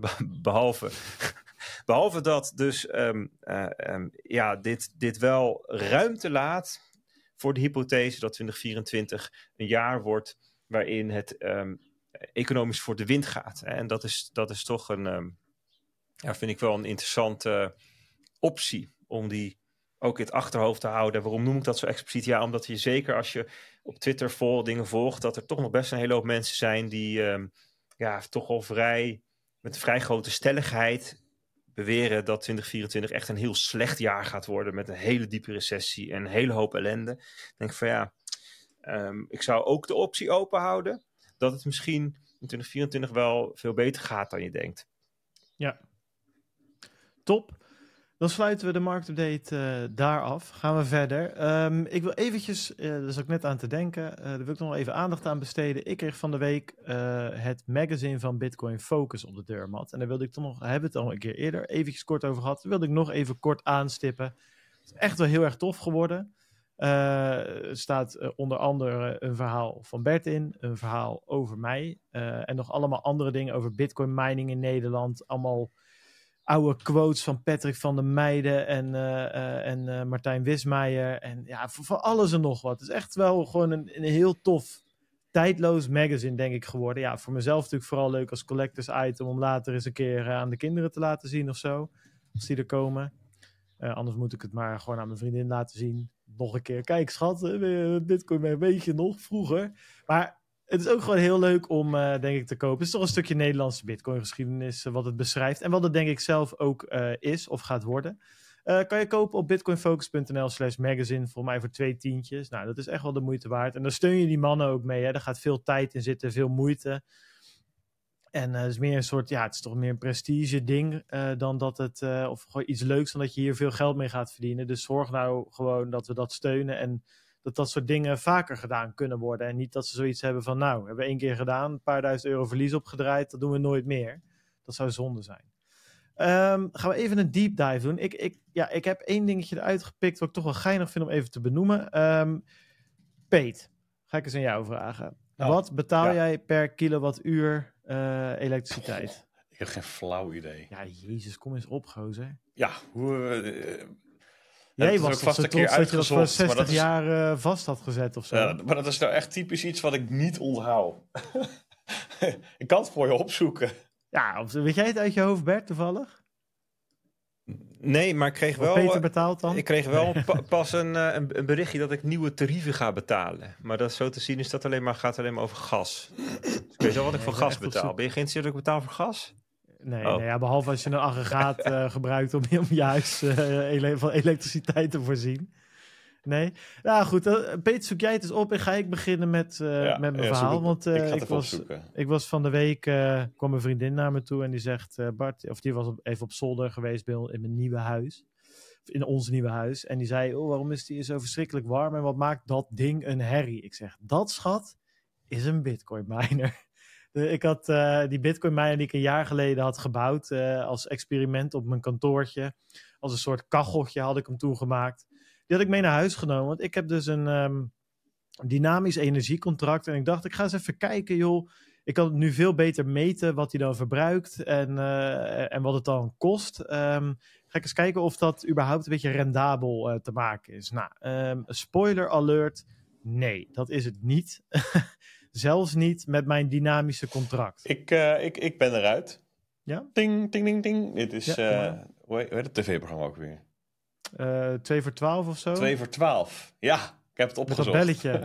er zit er één met zijn encyclopedie, hè? Van, uh, ja. ik ben even door mijn digitale encyclopedie heen gegaan. Ja. Um, mijn normaal tarief is 31,5 cent per kilowattuur. Ja. En mijn daltarief is 27,3 cent per kilowattuur. Ja. Kan ik ook voor jou, uh, spoiler alert, uh, voor jou is het ook niet uh, rendabel nee. om een bitcoin miner thuis aan Moet ik ook zeggen, daar heb ik hem niet op uitgezocht. Nee. Um, nee, ik ben, even, ik, ben, ik ben even gaan rekenen. Ik heb hem gewoon een dag aangezet, mijn bitcoin miner, op 800 watt. zo'n, zo'n, het is een oude S9. Die zijn voor 200 euro of 250 euro inclusief voeding zijn die op te pikken. Ik weet niet of ze inmiddels duurder zijn. Ik denk dat het nog wel voor dezelfde prijs is op dit moment. En uh, daar heb ik dus, ja, ik heb niet het totaal aantal sats. Dat staat hier in mijn Brains pool wallet. Even kijken, laten we zeggen iets van 1000 sat of zo. 1400. Ik kan er 24 uur aan laten staan. Anyway, ik heb het even helemaal uitgerekend. 100 sat per kilowattuur verdiende ik daarmee. Dat is 4 cent per kilowattuur. maar het verbruik, helaas, uh, is natuurlijk veel hoger. Um, ja, kijk, uh, als je hem op 800 watt uh, een uur laat draaien, dan zit je op 0,8 kilowattuur. Oh, hè? dat is allemaal niet heel, dat is geen rocket science natuurlijk. Maar dat betekent dat hij dus ongeveer um, um, in Peters geval 30 cent kost om hem een uur aan te zetten. En hij levert je 4 cent op. Dus uiteindelijk kost het je 26 cent. Ja, dat is toch een duur kacheltje helaas. Ja, maar de, de, de Bitcoin-prijs moet gewoon keer 8. Ja, oké. Okay. Maar ik heb het volgende. Een dynamisch contract. Ik zit nu, zo nu en dan, op 17 cent per kilowattuur. En dat komt best wel een aantal uur per dag voor. Uh, maar ja, goed, je kan de rekensom maken. Dan kom je alsnog op 13 cent in de min uit. Ben ik verder gaan kijken. Wat wel jammer is, is dat uh, op dit moment ik eigenlijk, met als het, uh, de stroomprijs 17 cent per uur is, betaal ik eigenlijk niks voor mijn stroom. Maar 17 cent aan belasting. Uh, we betalen Nederland best wel forse energie- of elektriciteitsbelasting. Verder allemaal prima.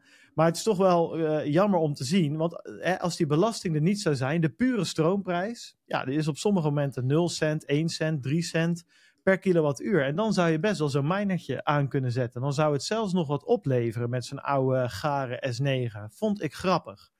Um, Waarom belandde ik in deze rabbit hole? Nou, ik kwam een oud artikel tegen van uh, vriend van de show, Danny Oosterveer. Uh, die natuurlijk veel bezig is met uh, smart homes, elektriciteit, batterijen, auto's, of elektrische auto's, dat soort dingen. En die had een artikeltje erover geschreven dat je ook je miner aan kan sluiten op Home Assistant. Nou, dat vond ik ook erg leuk. Heb ik gedaan. Kan je met een druk op de knop op je telefoon je miner uit en aanschakelen. Maar wat nog veel leuker is, je kan het automatiseren. Dus op het moment dat de stroomprijs daalt onder de 4 cent per kilowattuur, kan ik automatisch mijn miner aanzetten, omdat dat het break-even punt is. Nou, dat is gewoon geinig. Eh, ik vind dat eh, heel erg leuk om te doen. Wat zou ik ook kunnen doen? Ik zou ook kunnen kijken op het moment in de zomer dat mijn zonnepanelen meer opleveren uh, dan dat ik verbruik qua elektriciteit, zou ik mijn miner aan kunnen zetten. Um, het probleem is natuurlijk dat ik ook gewoon terug kan leveren aan mijn energieleverancier. En dat ik dan weer die 17 cent per uur krijg, of die 16. In ieder geval vaak meer dan de 4 cent per kilowattuur die het mij oplevert. Um, dan is de vraag natuurlijk: oké, experiment geslaagd. Conclusie: een miner thuis in Nederland slaat, ongeacht je situatie, helemaal nergens op op dit moment. Want je, ja, je betaalt te veel of je kan voor meer uh, terugleveren. Blijft dat zo, is dan de vraag. Nou, dat, is natuurlijk, dat, dat weet ik nog niet. Ik denk het niet, want er zijn veel meer zonnepanelen uh, op huizen worden er gelegd. Er komt windenergie bij. Het zou zomaar eens uh, uh, voor kunnen komen, en dat komt het al, maar steeds vaker voor kunnen komen, dat je inclusief de belasting een negatieve energieprijzen krijgt. Ja, en dan wil je niet terugleveren, want dan betaal je om terug te leveren aan het net dan is het best interessant om je bitcoin minertje uh, aan te gooien. Er waren zelfs deze zomer al mensen, toen er op een gegeven moment 40 cent per kilowattuur uh, werd betaald, um, die een oven gewoon aanzetten zonder dat er een taart in ging om, uh, of een pizza. Gewoon puur om te verbruiken. Dus dat zie je al voorkomen en de verwachting is dat het vaker voor gaat komen. Wat ook zou kunnen, Peter die zei dat al. Ja, kijk, als de bitcoinprijs omhoog gaat, dan krijg ik voor die 100 sat die ik mine per uur, 8 cent, om maar eens wat te noemen. Of misschien wel meer dan die 17 cent. Daar zit wel een maar aan. Eh, dat betekent dat de bitcoinprijs omhoog moet gaan, maar dat de hash rate niet meestijgt. Um, en dat gebeurt alleen als er niet genoeg miners, uh, nieuwe miners aangezet kunnen worden. En dan moeten we weer dus uh, zo'n situatie krijgen waar miners gewoon niet leverbaar zijn. Zou kunnen hoor. Als de bitcoinprijs na die ETF zo hard stijgt binnen twee maanden ja, dat, die miners kunnen niet binnen twee maanden geleverd worden. Maar dat is dan meer even zo'n tussenoplossing. Dat, dat uiteindelijk komt dat wel weer in balans, omdat de difficulty uh, dan ook weer stijgt. Dus helaas, dames en heren, ik denk dat in Nederland het een lastig verhaal blijft uh, de komende tijd. Misschien in de toekomst, als er heel veel extra zonne- en windenergie is, dat het op sommige momenten interessant gaat worden. Um, maar goed, alsnog leuk, want ja, weet je, um, um, eh, je leert er wel een hoop van, niet alleen over Bitcoin, maar ook over ons energienet en, uh, en de manier waarop uh, dat in zijn werk gaat. Ik zal het artikel van Danny even linken in de show notes. Dan kan je dat helemaal nalezen en dan kan je zelf ook een Bitcoin miner automatiseren. en dat werkt, dat werkt top. echt een leuk artikel en leuk om mee bezig te zijn. Oké, jongens. zullen we dan nog eventjes wat nieuwtjes op, oppakken? Ik kijk even ook naar Peet. Of jij nog een leuke. Ik, op zich uh, heb ik er nog wel één die, die nog wel, wel geinig is om eventjes uh, te, uh, in ieder geval aan te stippen. Ik weet niet of we er verder iets mee kunnen, maar dat gaat over Barry Silbert. Over ja, stip dat, maar, stip dat maar eens aan. Nou, maar eens. Ik, die, is, die stapt per 1 januari op als CEO van Grayscale. Um, voor wat ik kan zien, want ik was in toen ik die tweets langs zag komen, het was allemaal breaking, breaking, breaking natuurlijk. Dat is het op zich ook wel. Uh, maar ik was even in de veronderstelling dat hij gewoon helemaal af zou treden als uh, CEO van, van die hele toko. Maar dat is natuurlijk DCG, hè, de Klopt. Digital Currency Group. En voor wat ik kan zien in al die aankondigingen gaat dit puur over Grayscale Investments. En dat is een, een van de onderdelen onder DCG. Dus volgens mij blijft die zitten bij DCG en stapt die op bij Grayscale. En wat ik daar uh, dan weer lees. Grayscale is natuurlijk in de running om van hun fonds, hè, die, uh, die uh, GBTC, waar Bert het ook deze, deze markt weer eventjes over had, om dat om te gaan zetten in een ETF. Hè, dat ligt ook in de lijn der verwachtingen dat dat misschien wel eens kan gebeuren als er gewoon goedkeuring op die ETF's komt. Dat dit daarmee te maken heeft dat, dat, dat blijkbaar het, uh, dat als, als Silbert uh, CEO is, dat dat blijkbaar ja, een soort van, hoe noem je dat, liability is. Iets wat je weg wil hebben voordat je die omschakeling naar zijn ETF uh, kan maken. En waarom? Nou ja, omdat Barry Silbert met DCG natuurlijk nog verwikkeld is in allemaal rechtszaken.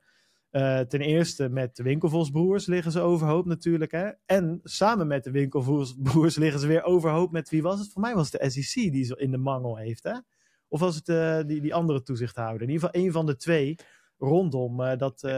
Ja, volgens als ik me goed herinner, was het, een, was het het Openbaar Ministerie van New York. Of een oh, New Yorkse nee, toezichthouder. Ja, ja. Um, die ze in een civiele procedure heeft aangeklaagd, inderdaad. Voor het ja, misleiden van klanten wel, en, enzovoort. Ja. Dus, goed, best was geen strafzaak. Shit, ja. in, in ieder geval. Um, maar goed, um, dus dan is het misschien niet zo handig om diezelfde meneer als CEO te hebben. Uh, als je daar van dat stukje van het bedrijf een, uh, een, een ETF wil maken. En het zou nog kunnen, dat, gaat, dat speculeert er weer verder op, dat las ik op Twitter.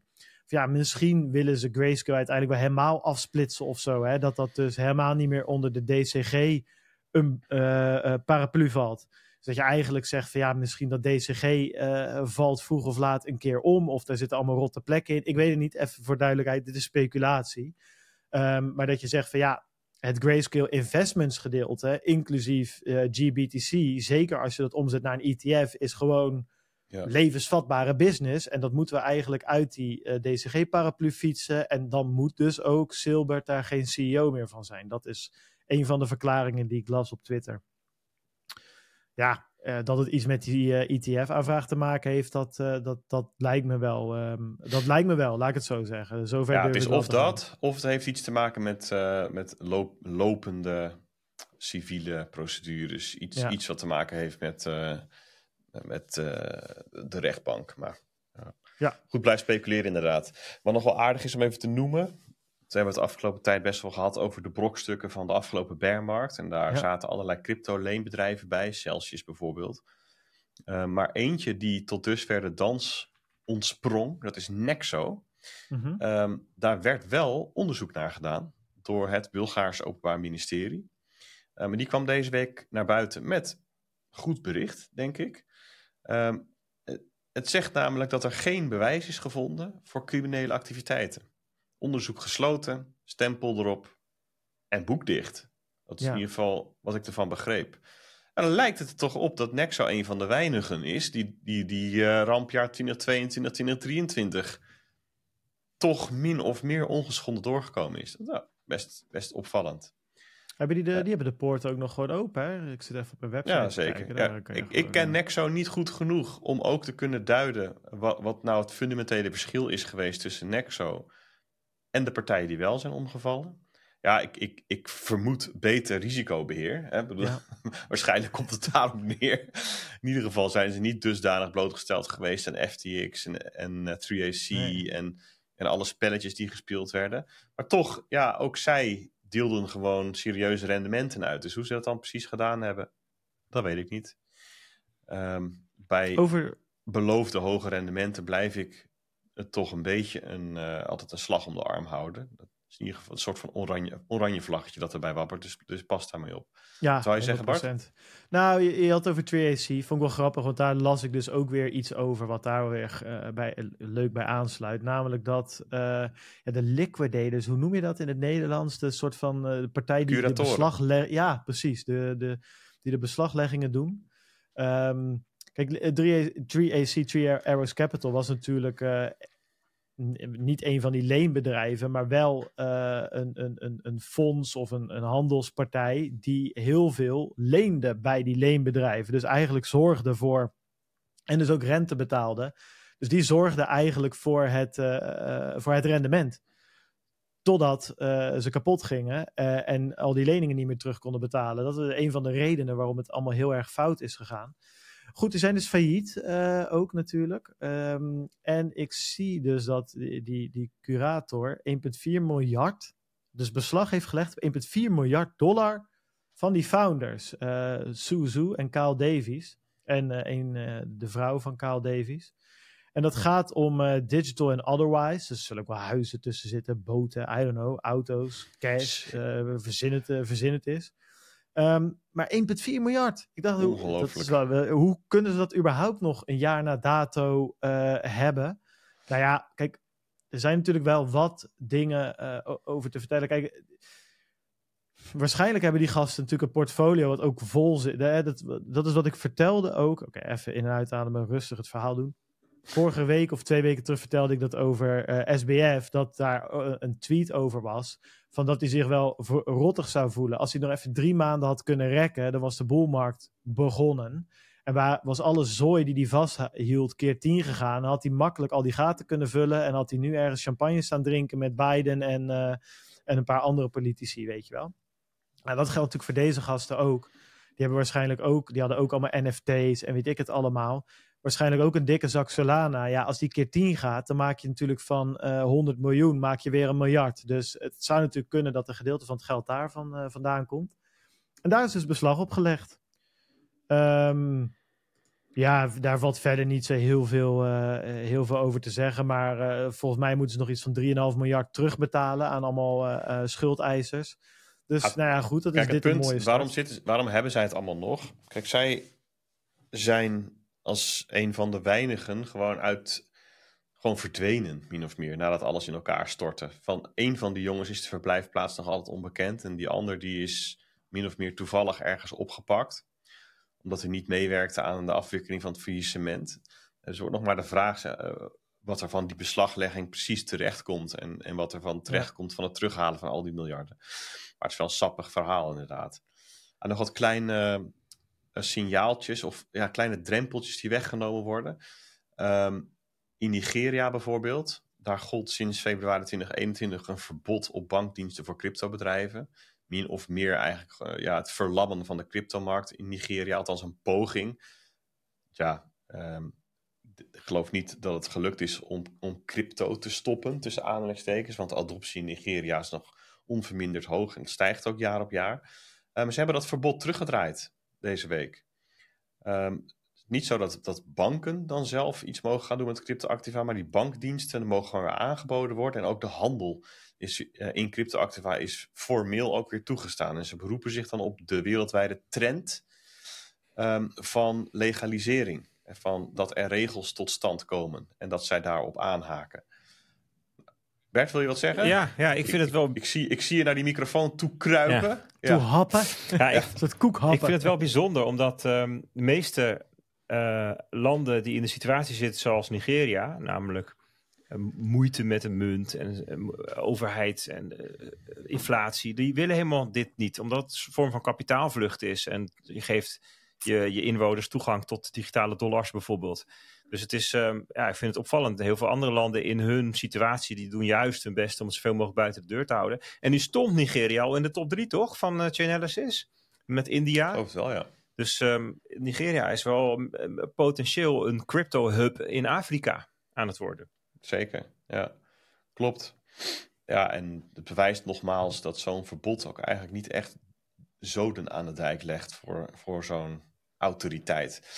Um, nou, de toezichthouder in Hongkong eh, die opent ook een loket voor spot crypto ETF aanvragen. Dan zie je dat het een soort van spin-off of invloed is vanuit de VS. Zie je wel vaker als daar de toezichthouder, de financiële markt eigenlijk, als daar stappen worden gezet, dan worden diezelfde stappen elders ook gezegd. Nou ja, het zal je uh, niet verbazen dat uh, de financiële industrie in Hongkong dat besluit zegt te verwelkomen. Nou, en ik zag ook nog iets langskomen over Argentinië. Um, de minister van Buitenlandse Zaken was het volgens mij, dus mevrouw, ik weet haar naam even niet uit mijn hoofd, die twitterde iets over Bitcoin. Namelijk dat ze uh, contracten genoteerd in Bitcoin, dus dat, dat die um, verrekend worden in Bitcoin, toestaan. Het is toch een soort opvallende aanbeveling, de een of andere manier, dat, dat dan Bitcoin zo expliciet genoemd wordt. Ja, dat is dan een van de, um, ja, een van de dingen die, die gedaan worden door het recent verkozen nieuwe Argentijnse kabinet. Hè, onder leiding van dat flamboyante figuur, president Javier Milei. Ja, ja, daar kun je vinden van wat je ervan vindt. Ik geloof dat die. Uh, ik zag hem recent weer eens langskomen op Twitter met een uh, cirkelzaag in zijn hand. Of weet ik wat voor zaag het was. Ik, of, of, het was een, uh, een, oh, het was een honkbalknuppel, geloof ik. Ja, maar die ja, honkbalknuppel, daar zag ik ook weer een community note onder staan. dat het niet zijn officiële account was of zo. Oh ja, nou ja. Het, dat, het is in ieder geval. Hij wel een echte excentrieke kop. Ik heb denk dan.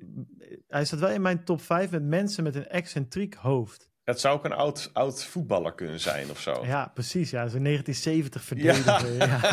Ja. die leren kiksen aan van die zwarte schoenen met, met stalen noppen. En dat even goed uh, doorzagen op die maar, maar goed, ja, op die manier, via die route kwam Bitcoin dus toch ook weer even in het nieuws.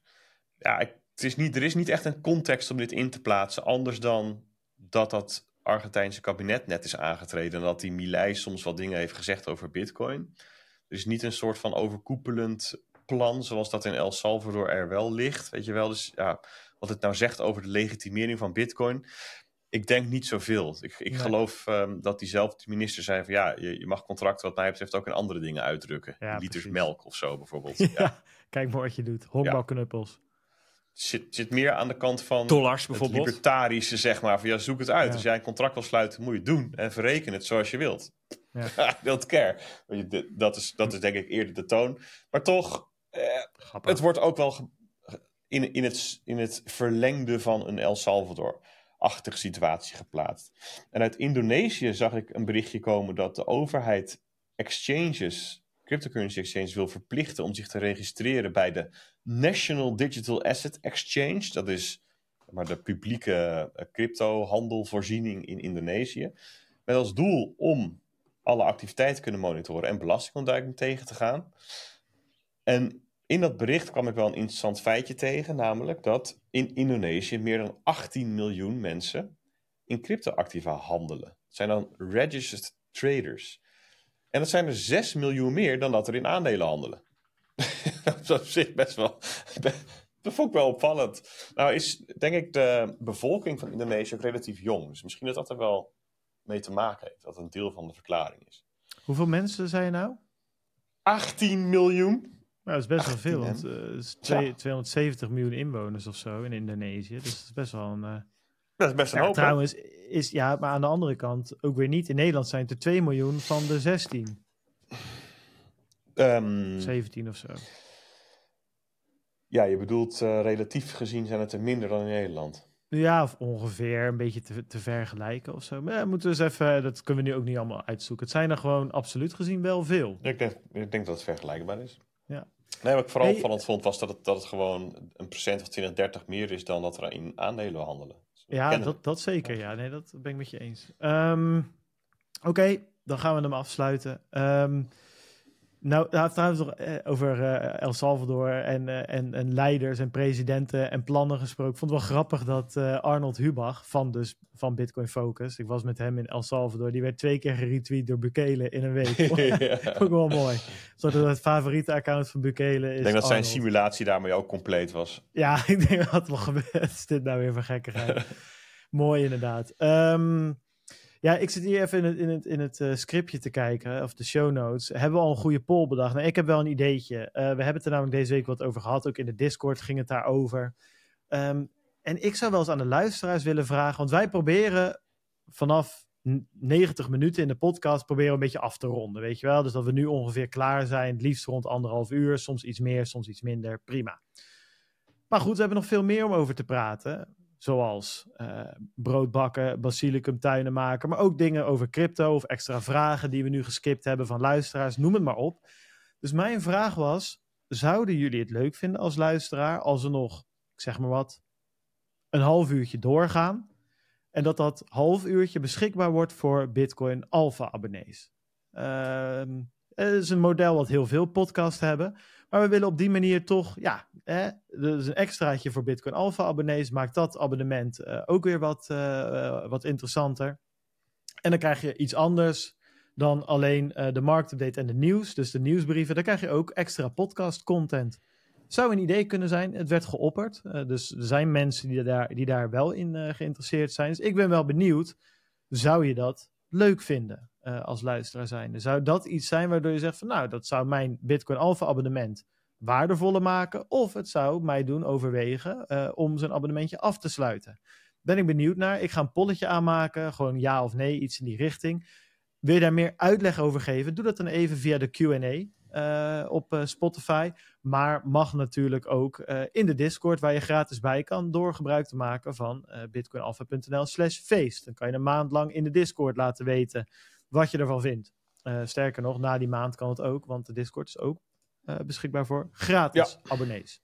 Maar doe dat. Goed. Ga naar slash feest, schrijf je in. Het is eigenlijk gewoon een no-brainer. Stuur het ook door. Uh, dan gaan we gewoon met, met 100.000 mensen feest vieren in januari. Trouwens, op Discord, 9 januari, sta, staat de volgende live Q&A op de planning. Ja. Ik zie dat er al bijna 60 mensen uh, hebben gezegd dat ze komen. Ja, om 8 uur geloof ik, wil je er, 8 uur s'avonds, van 8 tot 9. Bakje koffie erbij. Ja, we hebben, Super we hebben dat uh, expres van 8 tot 9 gedaan, omdat dat namelijk precies het uur is waarin de ETF's worden goedgekeurd. dan kunnen we het live met elkaar. Uh... ja, precies. Ja, dat zou, echt, dat zou echt helemaal briljant zijn. Dat zou lachen zijn, ja. Goed, dan heb ik volgens mij alles uh, gehad wat ik, wil, wat ik wilde zeggen. Jullie ook? Jawel, toch? Zeker. Ja hoor. Dat is een leuke aflevering. Ja. En volgende week, jongens. Volgende week de live show. Oh, ja. Zet die ook even in je agenda, jongens. Hè? Uh, gewoon even één oliebolletje bewaren en één flesje champagne. Dan, dan pop je die open terwijl je naar ons zit te, zit te kijken. En dan gaan we. Het wordt een leuke 4 show. januari. 4 januari, dames en heren. 8 uur. 8 uur s'avonds. Ook om 8 uur s'avonds. Met een vriend. En ik zal je vertellen waarom. Omdat de ETF's dan goedgekeurd worden. Tussen 8 en 9. surprise, surprise. Gewoon even iets eerder dan verwacht. Dat zou lijp zijn, ja. Dat zou lachen zijn. Jongens, uh, dank weer voor alle uh, wijsheden in deze aflevering. Um, vind je de podcast leuk?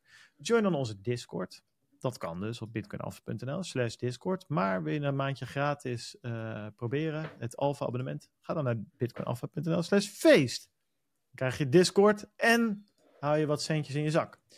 Um, je kan ons volgen op Twitter en op allemaal andere plekken. Dat staat allemaal op stosjeradio.nl. Uh, nou, wat ik al zei, Bert bedankt. Uh, ik ga even mijn geluidjes opzoeken, want die heb ik weggeklikt op mijn kleine telepromptertje. Dan kijk ik de luisteraar even recht in zijn ogen aan en zeg ik dank voor het luisteren. Dank ook voor de steun dit jaar. Voor alle leuke berichten, voor alle leuke uh, events, meetups, noem het maar op die we gedaan hebben. En voor alle support. En we zien jullie graag uh, in het komende jaar terug voor weer een prachtig jaar Stosh Radio, weer een prachtig jaar Bitcoin. En uh, we gaan er weer wat van maken met z'n allen. Fijne kerstvakantie, fijne oud en nieuw en we zien jullie volgend jaar. Laters! Laters, jongens!